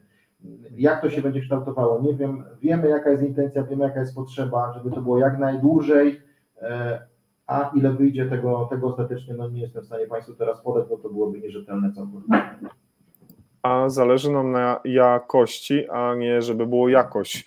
Pan, e, pani Sabo, bardzo serdecznie dziękuję za ten głos. Pan Mateusz Kleinschmidt napisał pytanie, czy po utworzeniu samorządu reszta organizacji zrzeszających ratowników zostanie rozwiązana? No dobre to jest pytanie. Na pewno na, e, że tak powiem, znalezienie miejsca, jeśli chodzi o działalność wszystkich organizacji, jest ich sporo. E, ale to jest pytanie, wydaje mi się, do szefów tych organizacji, do członków tych organizacji, patrząc przez e, pryzmat innych grup zawodowych i tego, jak to się dzieje w Europie, wydaje mi się, że ten tort jest bardzo obfity i dla każdej organizacji, która będzie chciała działać i działa aktywnie, a nie tylko jest, bo, bo takie sytuacje również mają miejsce, to, to jest przestrzeń do działalności, tak? System e, ochrony zdrowia, czy ten nasz wycinek związany z zawodem ratownika medycznego, nie tylko w Państwowym Ratownictwie Medycznym e, jako systemie, w tym przedszpitalnym, ale sorowym, czy w innych miejscach, bo pamiętajmy, że ten katalog jest bardzo szeroki, a będzie jeszcze szerszy z uwagi na braki kadrowe, e, więc tak naprawdę ratownicy medyczni już są w wielu miejscach, a będą pewnie jeszcze szerzej e, identyfikowani w całym systemie ochrony zdrowia. Także tych obszarów jest bardzo dużo. Jeżeli tylko będzie, będą organizacje chciały działać, wydaje mi się, jest ku temu miejsce i nie, nie zabraknie na pewno tematów do, do, do działań. Doskonale. Pan Tadeusz wcześniej też napisał pytanie, jaki będzie podział liczby delegatów na województwo, zależy, zależny od ilości spisanych ratowników w danym województwie. Tak, dokładnie. E, ja tutaj sobie pozwolę podeprzeć się e, dokumentem, który określa liczbę tych delegatów. Mniej więcej będzie ich finalnie około 192. Taką decyzję przyjął komitet w drodze uchwały, czyli e, finalna liczba to jest około 192. E, ona jest uzależniona od liczby ratowników, która się spisze e, w poszczególnych województwach, czyli ten przydział mandatów na poszczególne województwa zależy od liczby ratowników medycznych. E, ja może wyświetlę ten część Tak, bardzo proszę, ba, ba, bardzo proszę. Nie było, że ja tutaj coś, e, że tak powiem, przytaczam. Będzie tutaj wszystkim łatwiej, jeszcze powiększę to trochę, żebyście Państwo to dobrze widzieli. Bo bardzo się cieszę i od razu później podasz mi link w, w czacie i ja go wkleję. I kolekcjonujcie Państwo e, te, te zapiski, te dokumenty, bo one są z, naprawdę ze sprawnionych źródeł i łatwo je teraz pozyskać niż później szukać. Tak, dokładnie. I tak naprawdę podział tych liczb, tej liczby delegatów 192, o której powiedziałem wcześniej, zostanie obliczony jako iloraz liczby ratowników medycznych spisanych w danym województwie i ilorazu ogólnej liczby ratowników medycznych spisanych na terenie kraju. Oczywiście tutaj wpływ ma na to również ta docelowa liczba delegatów, która jest ustalona na tą liczbę 192. No jest to po prostu taki wzór matematyczny. Część niewiadomych znamy, tak? Natomiast no, część będzie zależała od liczby ratowników medycznych spisanych, więc no, nie jesteśmy w stanie powiedzieć, ile dla danego województwa tych delegatów przypadnie. E, aczkolwiek jest to e, zamknięty, zamknięty algorytm wyliczania, jeśli chodzi o podział tych, tej liczby delegatów. E, tu wcześniej było pytanie od pana paramedyka. Jeżeli wybrzmiało, to super, jeśli nie, to, to, to, to, to jeszcze raz kto może zostać takim delegatem? Bo tu to pytanie już dwa razy minęło, mignęło, więc jeżeli to nie wybrzmiało jak należy, to proszę o, o uściślenie. E, może to być każdy, każda osoba, która e, zakończyła kształcenie dedykowane dla zawodu ratownika medycznego. Jest to bardzo określone zero-jedynkowo w ustawie o e, zawodzie i samorządzie ratowników medycznych. Tutaj od razu może warto też wspomnieć, ponieważ te wątpliwości interpretacyjne do ustawy dotyczą ratowników, którzy zakończyli kształcenie i uzyskali i uzyskali te uprawnienia po dniu wejścia w życie ustawy, ponieważ ustawa no nie do końca w taki sposób czytelny to reguluje. Jest oczywiście komunikat Ministerstwa Zdrowia mówiący, że ci, co uzyskali e, w dniu wejścia w życie, warunki, spełnili te warunki określone przez ustawę, aby być ratownikiem medycznym i wykonywać zadania, e, również e, mogą brać udział. My przyjęliśmy tę interpretację, pomimo tych wątpliwości interpretacyjnych, żeby nie było takiej sytuacji, że wykluczymy jakąś grupę ratowników medycznych. Także każdy, każda osoba, która spełnia te wymagania ustawowe, ukończyła kształcenie na kierunkach, które są określone w ustawie, ma prawo złożyć wniosek o spis złożyć wniosek o dodanie do spisu ratowników medycznych, tym samym staje się po weryfikacji takiego wniosku również taką osobą, która może być zgłoszona na kandydata na delegata. Mhm. mhm. Rozumiem. Wcześniej y, mm, o 19.30 pan Krzysztof Kuriata do nas napisał. Komentarz jest długi, y, większy, te, to okno dialogowe będzie, więc troszeczkę nas przysłoni. E, troszkę się już y, pojawiły te kwestie, ale ten komentarz jest ważny. E, pan Krzysztof napisał: Panowie, yy, chciałbym wiedzieć, co dalej. Kiedy jest szansa, że komitet zacznie działać? Komitet działa od maja. Przykre jest to, że ratowników jest kilkanaście tysięcy, a na wideo dzisiaj, teraz zaledwie setka. Dużo pracy przed nami. Niestety wiedza o tym, co robicie, jest wśród ratowników mizerna. Do kogo odsyłać ratowników po? książeczki, zatwierdzanie okresów edukacyjnych i tak dalej. Tu jeszcze raz, panie Krzysztofie, wybrzmi komentarz Mateusza, bo on jest bardzo ważny. Proszę bardzo, Mateusz. E, no tutaj przede wszystkim e, my, jako komitet organizacyjny, Szanowni Państwo, naprawdę staramy się to sprawnie przygotować. E, już to kilkakrotnie tutaj wybrzmiało podczas dzisiejszego spotkania. Komitet nie miał wpływu na czas powołania tego komitetu, kiedy to nastąpiło. To, na co mamy wpływ, to, to realizujemy i staramy się robić to jak najsprawniej, jak najszybciej. Natomiast ja chcę zwrócić uwagę może na to, co nie do końca jeszcze wybrzmiało. To, że my zorganizujemy te wybory i one przypadają w naszej ocenie na, na grudzień, styczeń, bo to mniej więcej tak wypada mniej więcej ten termin krajowego zjazdu, to wcale to nie znaczy, że samorząd rozpocznie realizację swoich zadań ustawowych ten czas e, potrzebny na to, żeby na przykład zarejestrować się, ponieważ samorząd ma osobowość prawną, e, no to będzie kilka miesięcy pewnie to trwało. E, nawet jeżeli się zarejestruje, nie będzie miał lokalu, nie będzie miał pracowników, nie będzie miał finansowania, to będzie trwało kolejne miesiące. Zwracam też uwagę na zapisy, które są zawarte w ustawie o zawodzie, mówiące o rejestrze ratowników medycznych. Przyszły samorząd będzie budował rejestr ratowników medycznych. W końcu poznamy, ile ratowników jest i gdzie oni pracują. Ten rejestr e, jest, e, ma być zrealizowany w formie systemu teleinformatycznego. Taki mamy zapis w ustawie. Żeby taki system teleinformatyczny powstał, e, to na to potrzebne są również miesiące, jeśli chodzi o takie przygotowania analityczne, stworzenie polityki bezpieczeństwa, analizy ryzyka, przygotowania tego całego rozwiązania, później zbudowania go i to już nie ma znaczenia, czy będziemy mieć swoją infrastrukturę, czy będziemy korzystać z infrastruktury w formie usług, której ktoś nam dostarczy. Dodatkowo ten rejestr ma być zintegrowany z e, systemem informacji medycznej. Jest to, e, są to e, dane i systemy, które są prowadzone przez Centrum Zdrowia. To też będzie trwało. Każda integracja jest długa i nieprzyjemna, ale również te dane mają być przekazywane do systemu wspomagania dowodzenia Państwowego Ratownictwa Medycznego, systemu, który jest osadzony w sieci OST 112. Jest to taka specjalna sieć zarządzana przez policję, która co do zasady nie ma kontaktu z siecią internet, więc to jest kolejna trudna integracja. E, I tak naprawdę patrząc e, z grubsza, to też zawarliśmy w tym e, naszym piśmie do Ministerstwa Zdrowia, gdzie wskazujemy na te kwestie i na te wątpliwości, to tak naprawdę w momencie, kiedy my dopiero stworzymy rejestr ratowników medycznych, będziemy mogli zacząć jako przyszły samorząd przyjmować wnioski o wydanie książeczki, bo będziemy wtedy w ogóle wiedzieli, że ten Jan Kowalski to jest faktycznie ratownik, zweryfikujemy jego dyplom, i będziemy taką książeczkę mogli dostać, ale to będzie, że tak powiem, dopiero w momencie, kiedy powstanie rejestr, kiedy dostanie prawo wykonywania zawodu, a kolejnym krokiem będzie doskonalenie zawodowe. Ta wątpliwość jest przekazana i ta uwaga do Ministerstwa Zdrowia. Nie znamy na to pytanie odpowiedzi. W mojej ocenie e, konieczna jest nowelizacja ustawy o zawodzie i samorządzie ratowników medycznych i dodanie przepisów przejściowych. E, I to na pewno nie, dwa lata to chyba jest za mało, patrząc na, na moje doświadczenie, jeśli chodzi o budowę systemów teleinformatycznych. To nie jest jakieś wielkie wyzwanie, ale Szanowni Państwo, załóżmy, że dostaniemy finansowanie E, na budowę rejestru w sierpniu, bo mniej więcej wtedy przekazywane są przez ministerstwo dotacje, na wydatki inwestycyjne, no to zobaczcie, ile nam zostaje miesięcy do końca roku, bo 31 grudnia trzeba rozliczyć tą dotację.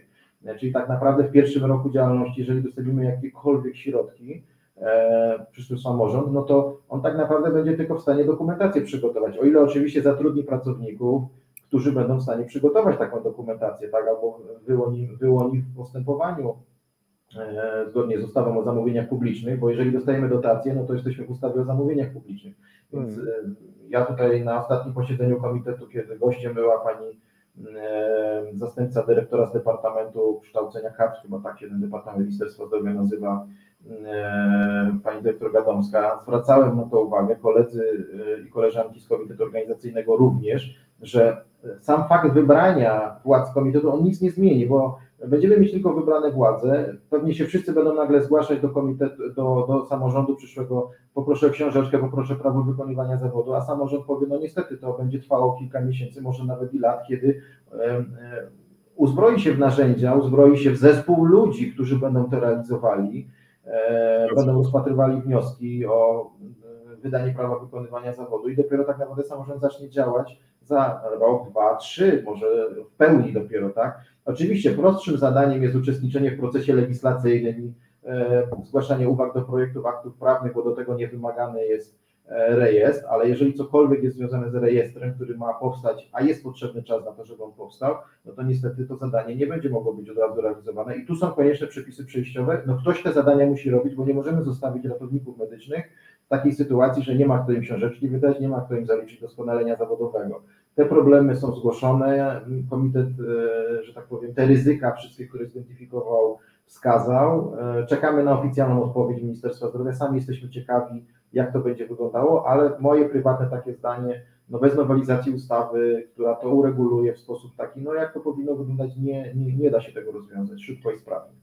Jeśli długo nie będziecie otrzymywać odpowiedzi, daj znać, to przeatakujemy ich legitymacją e, dziennikarską. A co tam? Podrobimy na ziemniaku, stempel się zrobi e, i może wtedy szybciej te informacje do Was spłyną. Pani Katarzyna Bielat, Kasia, zaprzyjaźniona z Entelife, bardzo z nami jest, zadała pytanie. Projekty uchwał dotyczących wyboru władz samorządu będą powstawały na zjeździe, czy przygotuje je e, komitet organizacyjny? E, tutaj również czekamy na odpowiedź Ministerstwa Zdrowia, kto ma przygotować projekty dokumentów na pierwszy Krajowy Zjazd Ratowników Medycznych, ponieważ ustawa jest tak skonstruowana, że Krajowy Zjazd się organizuje raz na kilka lat, a potem mamy tylko tryb nadzwyczajny zwołania. E, na pewno te projekty e, podstawowe, które no, żeby w ogóle odbył się, będzie musiał przygotować komitet wspólnie z prawnikami po stronie Ministerstwa Zdrowia. Natomiast no, są tylko, to będą tylko projekty, które będzie trzeba uzupełnić, bo ja nie wiem, jakie jak, jakie osoby będą wybrane na delegatów, nie wiemy, jakie osoby będą już zgłoszone później na kandydatów do przyszłych władz. To wszystko już się będzie odbywało podczas krajowego zjazdu, więc e, tak naprawdę będzie dużo pustych miejsc w tych dokumentach, jeżeli one tutaj powstaną. Na pewno komitet przygotuje regulamin pierwszego krajowego zjazdu, bo do tego nas ustawa obliguje.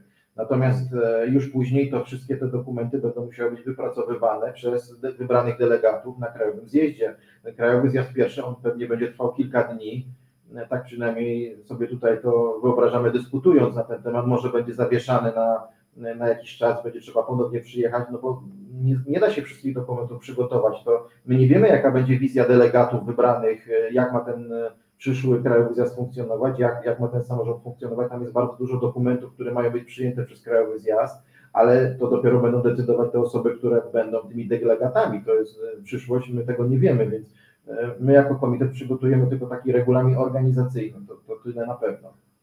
Dziękuję, dziękuję za odpowiedź. Kasiu, dziękuję za Twoją aktywność. Jest mi bardzo miło, że znalazłaś dzisiaj dla nas czas. Pozdrawiam Ciebie, pozdrawiam Kraków. E, wspominam e, bardzo miło ostatni pobyt e, w Krakowie. Bardzo się cieszę, że mogliśmy się spotkać. Pan Łukasz Bilski ponawia pytanie: czy, os, czy osoby, które aktualnie tworzą komitet, mogą być zgłoszone jako kandydaci na delegatów? Rozumiem, że tak z automatu, czy tak pośrednio, panie Łukaszu? A może Mateusz odpowie? No, nie ma tutaj żadnych automatów i żadnych specjalnych ścieżek dla członków komitetu, to chcę zaznaczyć na samym początku. E, jeżeli członkowie komitetu organizacyjnego zdecydują się na e, kandydowanie na kandydata na delegata, obowiązują ich takie same zasady jak każdego innego ratownika medycznego w Polsce, który będzie się spisywał. E, też taka osoba będąca członkiem komitetu, jeżeli będzie chciała kandydować, musi ją ktoś zgłosić, musi być wniosek. Tutaj nie ma żadnych automatów, wszystkich obowiązują takie same zasady. I one są transparentne. Mam nadzieję, że takie będą dalej. E, tutaj padło pytanie, jest e, od pana Mikołaja. Panie Łukaszu, uprzejmie dziękuję. Panu Mikołaj e, Ambrożak tak napisał do nas, czy spisany ratownik medyczny z automatu z racji spisania i na tej podstawie będzie widniał w przyszłym rejestrze ratowników, czy to dwie różne procedury? Panie Mikołaju, dziękuję za pytanie. Od razu odpowiadam, tak jak tutaj sugeruje e, kolega Mikołaj, to są dwie różne, e, dwa różne procesy całkowicie. E, spis dotyczy tylko i wyłącznie bardzo wąskiego zakresu danych potrzebnego na potrzeby realizacji wyboru delegatów i realizacji Krajowego Zjazdu Ratowników Medycznych.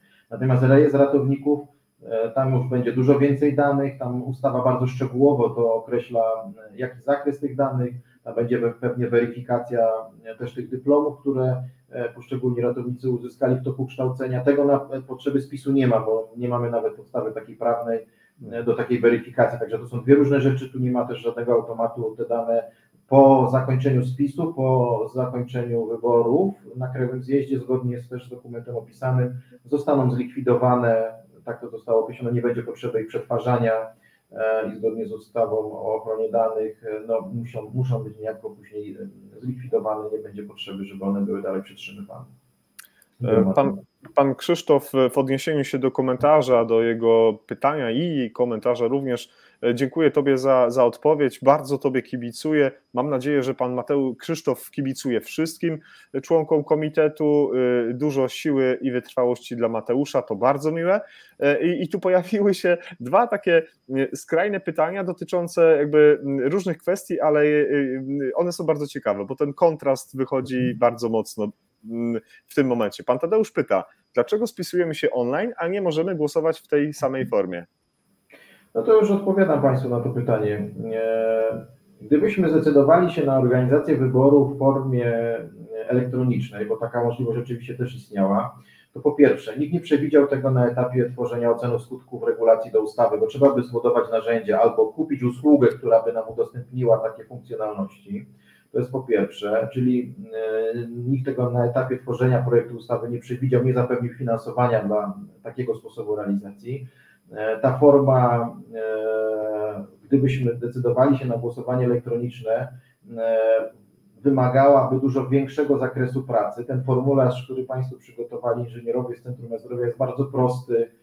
Tam nie ma weryfikacji takiej tożsamości w formie integracji z różnego rodzaju systemami, tak jak się to dzieje w wielu innych miejscach, gdzie Państwo się autoryzujecie, czy poprzez bank, czy poprzez na przykład profil ePUAP to, że ktoś jest Janem Kowalskim faktycznie. Gdybyśmy takie e, zaplanowali rozwiązania, to jeszcze byśmy kilka miesięcy e, czekali na przygotowanie tych rozwiązań, tylko po to, żeby je raz wykorzystać tak naprawdę. Czyli no, nie, nie chcę tutaj mówić o zmarnowanych pieniądzach, tylko byśmy wydali duży budżet na krótki okres czasu wykorzystania tego narzędzia, a dodatkowo jeszcze czekalibyśmy wiele miesięcy na to, żeby w ogóle skorzystać z tego narzędzia. No więc y, no, niewspółmierne to całkowicie by było do, do potrzeb. E, staraliśmy się tam, gdzie mogliśmy, e, do, do maksimum wyeliminować formę papierową i konieczność przychodzenia do urzędu, tak to nazwijmy. E, I tutaj myślę, że z formularza będą wszyscy zadowoleni. Można to zrobić z telefonu, można zrobić z tabletu. To, to rozwiązanie jest przygotowane, skaluje się, no ale już niestety wybory będą, będzie trzeba się zgłosić fizycznie do danej, w, daną danej lokalizacji. E, tak to zostało przygotowane, to też jest taka wypadkowa możliwości, Szanowni Państwo, bo to, że my byśmy chcieli, pewno, żebyśmy chcieli elektronicznie, żeby sobie można było wygodnie usiąść w domu, zapoznać się i oddać ten głos, kto by nie chciał, prawda? Myślę, że jest to przyszłość na pewno i taki projekt będzie można zgłosić później do, do realizacji przez przyszłe władze. Na pewno jest to prostsze, ta frekwencja jest też pewnie wtedy wyższa, ale no mając takie ograniczone narzędzia i możliwości, wycisnęliśmy do, to, co się dało do ostatniej kropli, tak żeby ułatwić w tych obszarach, w których mogliśmy, które no, udało się usprawnić. Nie wszystko, ale w tym bardzo krótkim czasie wydaje mi się, że i tak będzie to fajnie, sprawnie przebiegało. No niestety nie, nie, nie da się tego zrobić w formie elektronicznej, już podsumowując. A propos narzędzi elektronicznych, rozwiązań, jest dzisiaj z nami Marcin Wojcieszak, autor mm, bloga Lukas Felcher. Marcin, witaj. E, Marcin jest jednym z naszych stałych partnerów, udostępnia informacje o wydarzeniach, pisze posty, e, e, propsuje, jak to, jak to mówi Tomasz Janus i Marcin napisał taki komentarz, że książeczka do szkolenia E, zawodowego powinna mieć właśnie tę formę elektroniczną, żeby to wszystko odbywało się nieco bardziej mm, przyjaźniej dla odbiorców. Kiedy ostatnio byłem w Krakowie, był rządek, piękny rządek e, osób, które stały z książeczką i tam trzeba było wbić co trzeba e, i ilość punktów i stempel i tak dalej, i tak dalej. Tak więc myślę, że się Mateusz zgodzisz z tym, żeby taka elektroniczność tutaj też zajrzała. Jak najbardziej. Ja jestem zwolennikiem, że tak powiem, eliminowania papieru i te osoby, które ze mną współpracowały, doskonale o tym wiedzą, tam gdzie to było możliwe, to się udało to zrobić. Na pewno jest to wyzwanie do, dla przyszłego samorządu, żeby to nie było w takiej formie archaicznej pieczątek, pieczęci, wpisów, e, nie zawsze czytelnych wpisów, tak, bo takie książeczki również e, otrzymywaliśmy i, i, nie było to, że tak powiem, niedociągnięcie po stronie ratowników medycznych, a nawet po stronie organizatorów kursów i tych osób, które to wpisywały, że nie zawsze było wiadomo. E, także na pewno przyszłościowo byłoby bardzo fajnie, gdyby to była forma elektroniczna, jak najbardziej. No, nie ma tutaj, wydaje mi się, odwrotu od tego. Pan paramedyk albo pani paramedyk, bo jak wiemy, są te e, e, formy obydwie do, dopuszczalne, napisał, że już książeczek nie ma. Nie wiem, ja paramedyku drugi dawno już mnie w polskim systemie nie ma, więc nie wiem. Podzielmy się takimi informacjami. Mateusz, wiesz coś na ten temat? E, no, na pewno jest problem z wydaniem nowych książeczek teraz, tak? Dla osób, które rozpoczęły nowy okres edukacyjny, tak? To jest też jeden z elementów, na który czekamy na, na odpowiedź ze strony Ministerstwa Zdrowia, ponieważ no, te książeczki powinny być już wydawane przez przyszły samorząd, ale no to jeszcze, tak jak sobie przed chwilą mówiliśmy, proces długi i to szybko tak. nie nastąpi, więc e, urzędy wojewódzkie już tych książeczek nie wydają, bo nie mają podstawy prawnej, a nowego samorządu nie ma i nie ma jeszcze, długo nie będzie zdolności do ich wydawania, także Tutaj pewnie będzie wymagało, tak jak powiedzieliśmy sobie wcześniej, jakieś rozwiązanie przejściowe, no bo no nie może być takiej sytuacji, że, że, że no nie będzie tych książeczek. To, co tutaj możemy apelować, po prostu trzeba gromadzić dokumenty potwierdzające odbycie danej formy doskonalenia zawodowego, później będzie trzeba to uzupełnić. No tyle, tyle mogę powiedzieć na ten moment. Sam jestem ciekaw, jakie rozwiązanie tutaj przyjmie Ministerstwo Zdrowia, żeby ten proces obsłużyć, no bo on ewidentnie dzisiaj nie funkcjonuje. Jasne.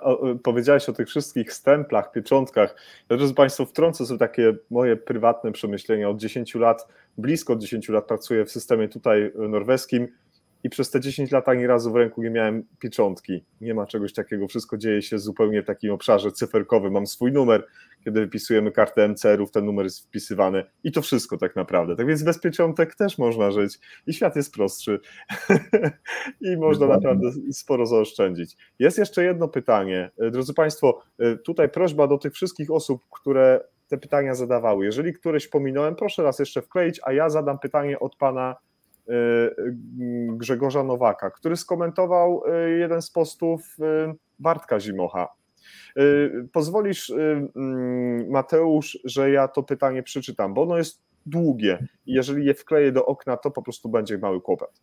Zostawię mhm. pytanie być może retoryczne, jako że może mi się nie udać dotrzeć nad webinar. Panie Grzegorzu, jeżeli Pan jest, to zapraszam. Skąd zwykli i prości ratownicy medyczni jak ja mogą czerpać informacje o przedstawicielach środowiska, jak wspomniany Pan o, e, mówimy o Mateuszu, o ich doświadczeniu zawodowym, stażu, dokonaniach, bo mm, takie warto podkreślać, skoro ktoś prezentuje grupę zawodową, kiedy w internecie głównie dominują doniesienia medialne, które mogą nie być zgodne ze stanem faktycznym. To jest pierwsza część, y, może odnieść się Mateusz do tego, bo potem idziemy dalej w las. Mhm. E, no tak, to jest oczywiście problem globalny, tak mi się wydaje, bo to nie tylko dotyczy mojej osoby, ale też innych osób, e, nie tylko spoza komitetu, ale osób, które zajmują różnego rodzaju stanowiska, czy to w organizacjach, czy w instytucjach publicznych, czy w innych instytucjach, które zajmują się jakimś obszarem e, systemu. No, Szanowni Państwo, no, jeżeli ktoś jest chętny i chce poznać moją notkę biograficzną, ja, zachęcam, można się ze mną komunikować, mogę podesłać E, swoje nawet CV, które gdzieś tam pewnie jest na pewno dostępne nawet w internecie. E, ja jestem członkiem również Polskiego Towarzystwa Ratowników Medycznych. E, tam wchodzę w skład zarządu, jestem członkiem tego zarządu. Tam wszyscy członkowie są w zakładce o nas, zarząd wypisani. Jest również opisane wykształcenie, doświadczenie zawodowe. Jestem tam również ja, jeżeli ktoś chce, może się z tymi materiałami zapoznać. Jeśli nie, na moim profilu facebookowym również jest informacja, gdzie pracowałem. E, no oczywiście tutaj ja czytałem dzisiaj tam e, to pytanie, bo ono było wcześniej zadane na, na jednym z postów. E, no tu jest kwestia, które dane są tymi danymi referencyjnymi, tak? I skąd czerpać te informacje. Nie wiem, no najlepiej to pytać chyba u źródła, jeżeli jest jakaś wątpliwość, to, to właśnie mamy dzisiaj takie spotkanie, może takie pytanie wydaje mi się zadać. Ja, tak jak rozmawiałem tutaj z Tobą, przygotowując się do tego spotkania, przyjęliśmy formę otwartą. Nie, nie, nie, zakładam, że jakieś pytanie będzie, które, na które nie będę chciał odpowiedzieć. Jeżeli są jakieś pytania, jeśli chodzi o moją notkę biograficzną, chętnie odpowiem na nie. Jestem tutaj otwarty, nigdy tego nie kryłem. Osoby, z którymi współpracowałem przez wiele lat, przewinęło się tych osób tyle, że ja już nie, nie pamiętam często. Wiem, że tą osobą jakiś projekt realizowałem albo z czymś kiedyś się komunikowałem, ale no nie jestem w stanie, że tak powiem, spamiętać wszystkich może czasem nawet się tak zdarza, że mijam osobę, którą kiedyś pracowałem przy jakimś zadaniu, a no nie rozpoznaję. Tych osób było bardzo dużo, Szanowni Państwo. Czy jeszcze na etapie pracy e, w wojewódzkiej stacji, czy później w działalności społecznej w Radzie Ratowników Medycznych. E, potem 4 lata w Ministerstwie Zdrowia, no masa spotkań, w spotkaniach, w których uczestniczyło i, i nawet 200 osób, bo takie konferencje uzgodnieniowe projektu nowelizacji ustawy o Państwowym Ratownictwie Medycznym prowadziłem. E, osobom, które były na tych spotkaniach, łatwiej, że tak powiem, identyfikować moją osobę niż mi, te 200 osób, które były na tym spotkaniu, a tych spotkań były setki, tak, pewnie może i tysiące. E, potem moja działalność e, kolejna w Krajowym Centrum Monitorowania Ratownictwa Medycznego, kolejne 4 lata. Na pewno osoby, które pracują w administracji, czy to centralnej, czy, czy tej wojewódzkiej, no, znają mnie na pewno bardziej niż osoby, które gdzieś tam się mijaliśmy na różnych sympozjach, konferencjach. No niemniej jednak, jeżeli jest taka potrzeba, to, to możemy takie spotkanie wykorzystać, czy kolejne, których gdzieś tam pewnie się będziemy e, widzieli, czy będziemy się widzieć pewnie na najbliższej konferencji, która będzie w mm, e, Wiśle, tak? O ile dobrze pamiętam, będę tam tak, również, tak. jeżeli ktoś chce, to zachęcam, można podejść, zapytać. Ja zawsze jestem otwarty, pojawiam się tam. Jeżeli ktoś chce się o coś dopytać, to to nie ma problemu. Można e, wysłać do mnie maila, też staram się odpowiadać na wszystkie maile jest adres komitetu, jeżeli są jakieś pytania. Także no, tych dróg komunikacji jest bardzo dużo. Myślę, że jeżeli ktoś chce i jest na tyle ciekaw, że potrzebuje jakiejś takiej informacji albo potwierdzenia, że ta informacja jest prawdziwa, to, to zarówno ja, jak wydaje mi się wszyscy koledzy z naszego i koleżanki z naszego środowiska, to środowisko nie jest bardzo duże. E, bardzo dużo osób się zna, więc wydaje mi się, że, że, że nie ma problemu, żeby takie informacje weryfikować, bo te osoby się gdzieś tam pojawiają cały czas na różnych wydarzeniach. Jasne. E, dziękuję za obszerną odpowiedź, bo to tak mnie zaintrygował ten komentarz pana Grzegorza. E, e, pan paramedyk napisał reklama dźwignią handlu. No, padło pytanie, jest odpowiedź, chyba że pan mówi o ratownicy ratownikom. NT Life jest dla was, dla społeczności ratowniczej, więc panie paramedyku, niech pan reklamuje, scena jest pańska, a jeżeli będzie taka potrzeba, proszę się skontaktować e, z nami, to my z przyjemnością wejdziemy w taką współpracę, ale żeby nie było tak słodko, pan Grzegorz na końcu tej wy, wy, wy, swojego komentarza, wypowiedzi napisał tak, o panu gościu słuchałem od lat i mam ograniczone zaufanie do plotek, a że się nie znamy, to proszę e, was, by dokładnie było, kim ten gość jest. To już było, to już padło. No i, i pan Grzegorz jeszcze e, poprosił, żebyś Mateusz przyznał się do tego, y, co ci nie wyszło, co spaprałeś. Pan Grzegorz użył innego słowa, ale z szacunku do państwa nie użyję tego. Ten. Gdybyś miał się zastanowić, co w twojej karierze poszło naprawdę na maksa źle, i gdybyś mógł to cofnąć, to zrobiłbyś inaczej, albo byś powiedział, nie, nie nadawałem się do tego, niepotrzebnie się za to zabrałem, to co by to było?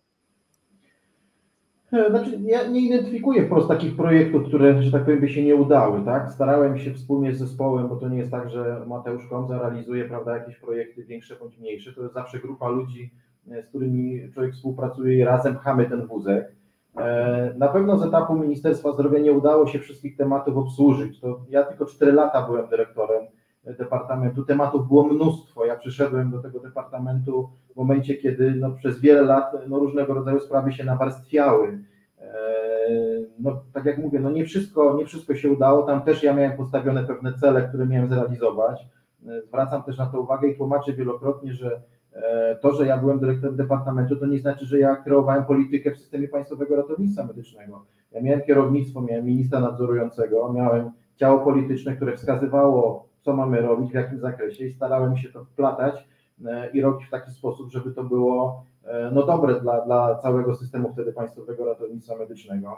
Jeśli chodzi o ten obszar związany z później z Krajowym Centrum Monitorowania Ratownictwa Medycznego, bardzo trudny projekt, przejęcie systemu teleinformatycznego e, z dostępnością czterodziewiątkową, czyli praktycznie przez 365 dni w roku, po kilku latach, kiedy się nikt tym systemem nie zajmował, no, na, pewno, na pewno wiele elementów, które wyszły już po, po weryfikacji tego, można było inaczej zaplanować, ale pamiętajmy, że my nie mieliśmy tych kart. Te karty były zakryte na stole, ponieważ no, wiele informacji MSWiA też nam nie przekazywało i dopiero jak wzięliśmy ten system, to dopiero okazało się, że on dużo szerszych prac wymagał niż, niż te, te informacje, które my otrzymywaliśmy wiele pewnie procesów można byłoby inaczej zaplanować. Gdybyśmy przewidzieli, że będzie COVID, że będzie odpływ programistów z rynku, wiele procesów, wiele zadań byłoby szybciej realizowanych, no ale to są rzeczy, których nie przewidujemy i to, to pewno są takie obszary, które można uznać, że się nie udały, no ale tak jak mówię, no kto był w stanie przewidzieć COVID na przykład, prawda? No to tak, no, do, do tego pytania e, tutaj tej osoby, która jest. Pana, pa, pan Grzegorz Nowak. Szkoda, że pana Grzegorza dzisiaj nie ma, ale za, tak jak powiedziałem, długi wpis zaintrygował mnie pod, pod postem Bartka Zimocha. E, jeszcze jest jedno pytanie. E, myślę, że to jest bardzo ważna kwestia. Później ja zostawię tobie półtora minuty na poukładanie tego sobie w głowie, żebyśmy podsumowali dzisiejsze spotkanie. Poproszę Cię o literaturę branżową i ja to zepnę jakąś tam zgrabną y, klamrą i będziemy pomału, drodzy Państwo, zbliżać się do końca, ale zostańcie jeszcze, bo są dwa bardzo pilne ogłoszenia i zależy nam na tym, żebyście je y, wysłuchali. Już mam nadzieję mm, znajdę te pytania odnośnie, odnośnie, odnośnie, odnośnie. To było, to było reklama dźwignią handlu, to już też wiemy, to już też wiemy. O, jest pan Wojciech, pan, panie Wojtku, ja pana szukałem tutaj, pan tutaj się zapodział. Czy będą niezależni obserwatorzy podczas wyborów i liczenia głosów? Takie jest pytanie od pana Wojciecha. Tak, bardzo dobre to pytanie. Dziękuję Panie Wojciechu za, za jego zadanie. Ta dyskusja na komitecie e, pojawiła się podczas pracy i przygotowywania tych ramowych założeń. E, no, na pewno mamy problem, co to są niezależni obserwatorzy, tak, i kto by miał ich zgłaszać. E, ten temat na pewno jeszcze wróci podczas procedowania regulaminu wyboru delegatów, bo ja między innymi dodałem taki komentarz do projektu z mojej strony. E, na obecną chwilę e, nie przewidywaliśmy tutaj udziału jakichś ekstra obserwatorów. E, tutaj decyzja ostatecznie jeszcze nie zapadła, tak jak powiedziałem, będziemy pewnie jeszcze na ten temat dyskutować. No bo tak jak mówię, nie wiemy do końca, jakby to miało wyglądać, co to są za niezależni obserwatorzy, kto by miał ich zgłaszać, jak dokonywać takiej weryfikacji, czy to faktycznie jest niezależny obserwator. No, bardzo dużo, duża liczba pytań i wątpliwości z tym związanych. Nie jest to na pewno zero-jedynkowe. E, jeśli chodzi o kto będzie liczył głosy, więc tak, e, zgodnie z przyjętym rozwiązaniem przez komitet organizacyjny, do realizacji wyborów jest powoływany komitet przeprowadzający wybory w liczbie e, trzech osób. Co najmniej jeden członek tego komitetu musi pochodzić ze składu komitetu organizacyjnego. Dwie pozostałe osoby będą to osoby, które mogą być zgłoszone przez organizacje, które delegowały do prac w komitecie E, poszczególnych członków. No, między innymi zakładam, że to będą tacy niezależni obserwatorzy, no jeżeli to tak by można interpretować. E, nie będą to tylko członkowie komitetu, nie jesteśmy w stanie tego samodzielnie w tak wąskim składzie przeprocedować. Także poza członkiem komitetu, który będzie lokalnie na miejscu, będą również dwie niezależne osoby, które będą wskazane przez e, członków i organizacji, które zrzeszają ratowników, którzy delegowali e, członka do komitetu. I te, ten skład osobowy, trzyosobowy będzie przeliczał te głosy. Te głosy później przyjadą do Warszawy i będą na posiedzeniu komitetu również weryfikowane czy e, to przeliczenie głosów zostało zrealizowane w sposób prawidłowy, czy protokół, który będzie tam przygotowywany na miejscu, zgadza się z e, liczbą głosów oddanych, liczbą pustych głosów, liczbą niepobranych kart, bo takie też przecież będą. E, I wtedy dopiero my, jako komitet w drodze uchwały, opublikujemy wyniki głosowań w poszczególnych, takie już finalne potwierdzone po weryfikacji, e, czy te głosy zostały prawidłowo zidentyfikowane jako głos ważny, bo mamy pewnie głosy nieważne, e, ktoś podwójnie, potrójnie postawi ten krzyżyk, albo nie w tym miejscu to trzeba, więc to będzie podlegało weryfikacji przez wszystkich członków komitetu i, i wtedy dopiero potwierdzimy, że faktycznie te informacje, które zostaną zamieszczone przez komisje przeprowadzające wybory w protokołach są prawdziwe i zgadzają się ze stanem faktycznym. No właśnie, tutaj jeden z widzów i słuchaczy, y, Ireneusz, y, pozdrawiamy Cię bardzo serdecznie, napisał: Mam nadzieję, że głosy nie będą liczyli pracownicy Ministerstwa Zdrowia. Cokolwiek, Ireneusz, masz tutaj na myśli? No. Na, na, obecną chwilę Ministerstwo Zdrowia nie powiedział, że nie zgłasza tutaj kandydatów do tych komisji, także wydaje mi się, Ilku, że pozdrawiam Cię za to. Poza tym tak. serdecznie nie, nie, nie, nie będą uczestniczyli w przeliczeniu tych głosów.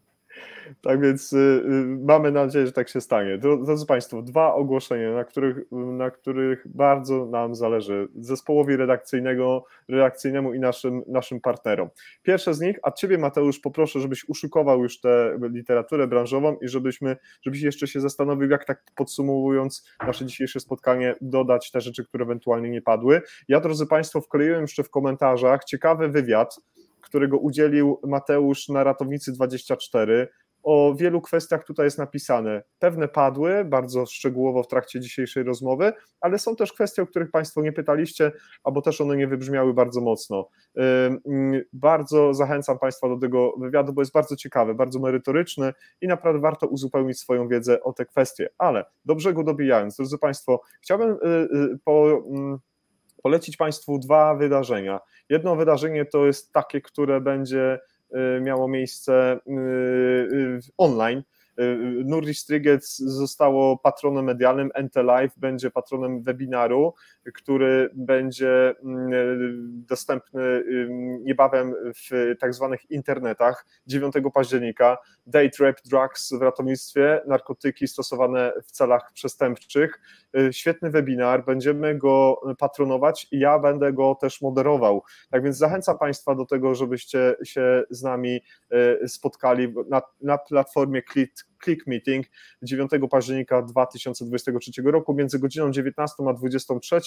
Y, tego dnia już mam zabukowany termin specjalnie dla Państwa, będę na tym webinarze i mam nadzieję, że Wy również. Tak więc to jest moja pierwsza prośba. A druga prośba jest też taka, mm, w imieniu wszystkich przygotowujących Śląskie Dni Medycyny Ratunkowej, które już przed nami. Ja się bardzo na nie cieszę, bo mam przyjemność otrzymać, y, y, miałem przyjemność otrzymać od, od organizatorów zaproszenie do udziału w tym, w, tej, w tym właśnie evencie, w tej konferencji. Jest mi z tego powodu niezmiernie miło, że spotkam się tam z Państwem. Będzie bardzo na żywo. Będą spotkania z widzami, z słuchaczami, będą rozmowy z zaproszonymi gośćmi, będą rozmowy z osobami, które będą prowadziły wykłady, bardzo ciekawe wykłady. Organizatorem tego wydarzenia jest Polskie Towarzystwo Ratowników Medycznych, patronatem, e, patronat honorowy i współorganizatorzy to Państwowa Akademia Nauk Stosowanych w Nysie, Akademia WSB w, Do, w Dobrowie Górniczej i Polski Korpus Ratownictwa Medycznego i partnerami są Polskie mm, Towarzystwo Chorób Płuc, wystawcy będą bardzo ciekawi, zaprzyjaźniona firma Lardal, z którą się świetnie znamy, Autoform i Striker. I drodzy Państwo, z przyjemnością przyjąłem zaproszenie do tego, by być patronem medialnym w towarzystwie takich fantastycznych instytucji jak Paramedyk Polan, Krzysztof, jest Jakub, Ratownictwo Medyczne, łączy nas wspólna pasja i jest na ratunek gazeta, magazyn, który jest nam bardzo bliski. Tak więc widzimy się, drodzy Państwo, w ostatni piękny tydzień, weekend, przepraszam, września w Wiśle jest mi niezmiernie miło, że tam się spotkamy. A teraz pozwolicie, drodzy Państwo, że poprosimy Mateusza, by odniósł się do tego, co jest dla mnie zawsze bardzo ważne. Namawiam Państwa do czytania nie tylko tych procedur, nie tylko tych aplikacji, które macie pewnie w swoich telefonach, ale za, zachęcam też Państwa do tego, żebyście zaglądali do e, literatury branżowej i poproszę Mateusza, żeby teraz pokazał, co tam dla nas przygotował i zarekomendował akurat tę, a nie inną publikację. Tak, na wstępie zanim jeszcze pokażę, e, to nie ma dużo tego na rynku, że tak powiem. Można powiedzieć, że jest jedna publikacja, e, która w taki bardziej przystępny sposób e, opisuje to, co jest zapisane w ustawie o zawodzie ratownika medycznego. Jeżeli nie lubicie Państwo czytać ustaw, to można skorzystać z tej publikacji. Małgorzata Paszkowska, wykonywanie zawodu ratownika medycznego w świetle ustawy o zawodzie. Tutaj macie dużo przepisanej ustawy, ale są też jakieś komentarze, odniesienia Myślę, że warto będzie poczekać. No mam nadzieję, że, że taki komentarz do ustawy o zawodzie ratownika profesjonalny, e, jak w przypadku komentarza do ustawy o Państwowym Ratownictwie Medycznym, również się przyda, bo bardzo szeroka tematyka nie tylko w zakresie działania samorządu, ale tej części takiej dyscyplinarnej. My nie doceniamy, wydaje mi się, tego, co tam jest w tej ustawie zapisane. Każdy mija czytając te, te przepisy, bo, bo rozmawiam też z ratownikami medycznymi Każdy mówi, a tego to już nie czytam, bo to, bo to takie skomplikowane. Tak skomplikowane, ale też będzie to wszystkich dotyczyło, także jeżeli wolicie taką przystępniejszą formę, to na pewno ta, ta publikacja taka jest. E, no jest jedyna, którą na razie jest dostępna na rynku, przynajmniej ja nie spotkałem się, a śledzę i, i szukam e, też e, takich materiałów, które można by wykorzystać w pracy, pracy komitetu, tak, to, to na pewno. Mhm. No to dobrze. Ja bardzo nie lubię tej części podsumowania, bo ona wtedy wróży szybki koniec naszej audycji i tak i tak wytrzymałeś z nami dzisiaj długo, chociaż nie poszliśmy na rekord. Przypominam, drodzy mhm. Państwo, audycja z panem profesorem e, Nadolnym, Klaudyszem Nadolnym trwała 3,50, nasza to zaledwie 2,40, ale dajmy jeszcze parę minut e, naszemu gościowi, e, Mateuszowi, na, na podsumowanie, na to, żeby odniósł się do zarówno tego wszystkiego, co przygotował, ale też, żeby się odniósł do Państwa komentarzy i do tego, co usłyszał i do tego, co przeczytał, bo wydaje mi się, że jest to bardzo ważne. Tak, ja bardzo dziękuję jeszcze raz za zaproszenie e, do, do dzisiejszego programu. To pokazuje, że jest potrzeba dalej szerzenia różnych informacji, pytań, zadawania tych pytań. Korzystajmy z tego. E, dziękuję też za, za tą wolę tutaj e, kolejnych spotkań z członkami Komitetu Organizacyjnego. Jesteśmy tutaj wszyscy do Państwa dyspozycji. Jest to czas, w którym trzeba pytać, można pytać, powinno się nawet pytać, jeżeli są jakieś wątpliwości. Będziemy starać się odpowiadać na te pytania jak najsprawniej. Część z Państwa pisze do nas e, na adres komitet.organizacyjny mzgov.pl. Wydaje mi się, że warto, warto też z tego korzystać, z tej drogi, ponieważ E, no niestety nie jesteśmy w stanie dotrzeć do wszystkich. Ja tutaj sobie postaram e, wyświetlić Państwu jeszcze te kanały komunikacji, jakie mamy. Bardzo e, proszę. Mamy ten adres e-mail, który przed chwilą podałem. Mamy stronę internetową, z których możecie czerpać informacje. Mamy profil na Facebooku, ale mamy też, Szanowni Państwo, organizacje, które zrzeszają ratowników medycznych i które delegowały członków do komitetu. Jest nas naprawdę bardzo dużo jeżeli nie przez oficjalny kanał możemy się kontaktować przecież z tymi osobami, to są osoby, które, e, które spotykacie na co dzień w swojej działalności, jeżdżąc e, do pracy.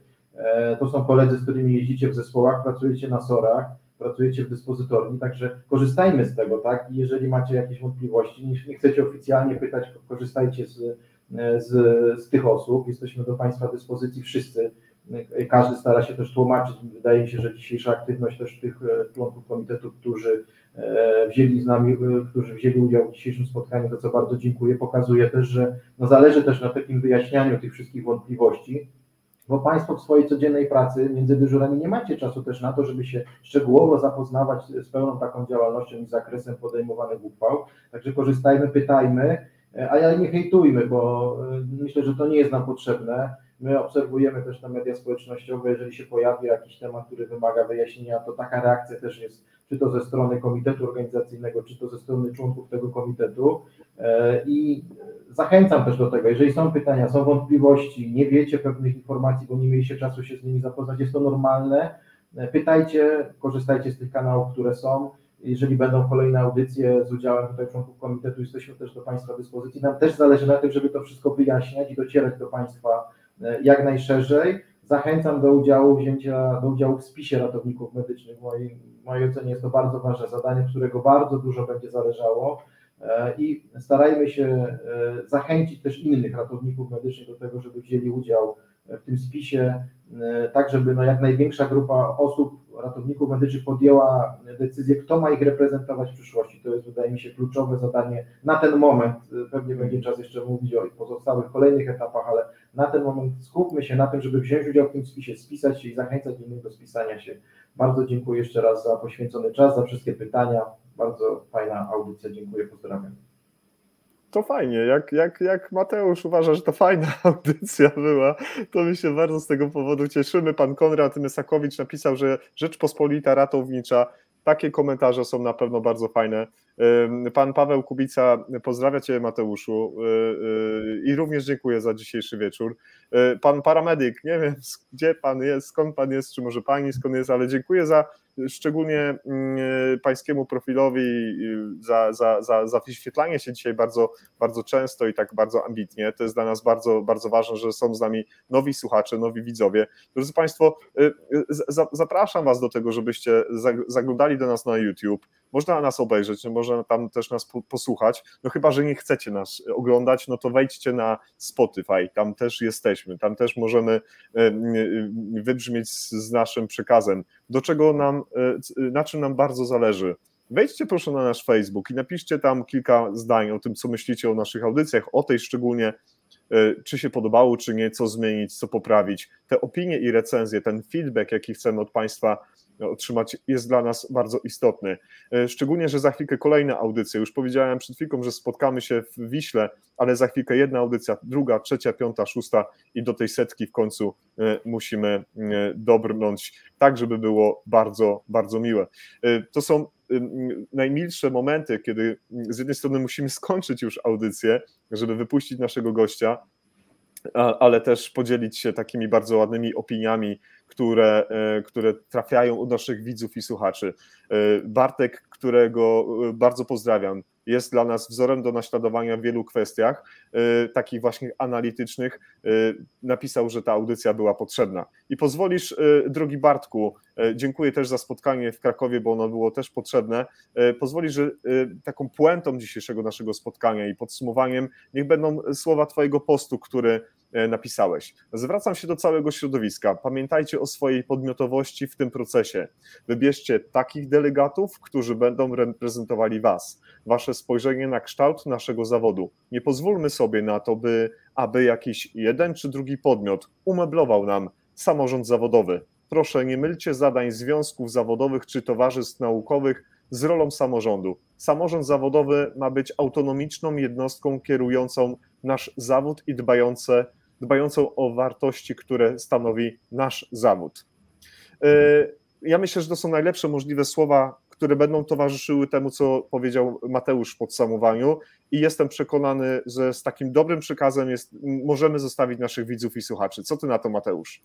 Jak najbardziej podpisuję się pod tymi słowami, bardzo dziękuję. Fajnie, że to też wybrzmiewa nie ze strony komitetu organizacyjnego, ale też z osób, które no, taki czynny udział e, biorą w tej dyskusji na, na przestrzeni tych miesięcy wcześniej i myślę, że to też pokazuje, że e, i wskazuje nam te cele, tak, na których się powinniśmy skupić. Także podpisuję się też pod, tym, pod tą wypowiedzią i pod tym podsumowaniem. Y, bardzo serdecznie Państwu dziękuję. Y, y, moim i Państwa gościem był przewodniczący Komitetu Organizacyjnego Samorządu Ratowników Medycznych, pan Mateusz Komza, któremu się kłaniam nisko w pas. Państwu również dziękuję za dzisiejsze spotkanie. Było mi niezmiernie miło spotkać się ze wszystkimi widzami i słuchaczami NT Live po bardzo długiej wakacyjnej przerwie, ale liczę też na to, drodzy Państwo, że kolejny sezon, który właśnie rozpoczęliśmy, czwarty rok działalności NT Live, przyniesie Państwu i nam ogromnie wiele radości. Y, Ja nazywam się Jacek Borowek, to był NT Live. Do zobaczenia i do usłyszenia już w następnym odcinku. Pozdrawiamy. Dziękuję serdecznie, pozdrawiam wszystkich.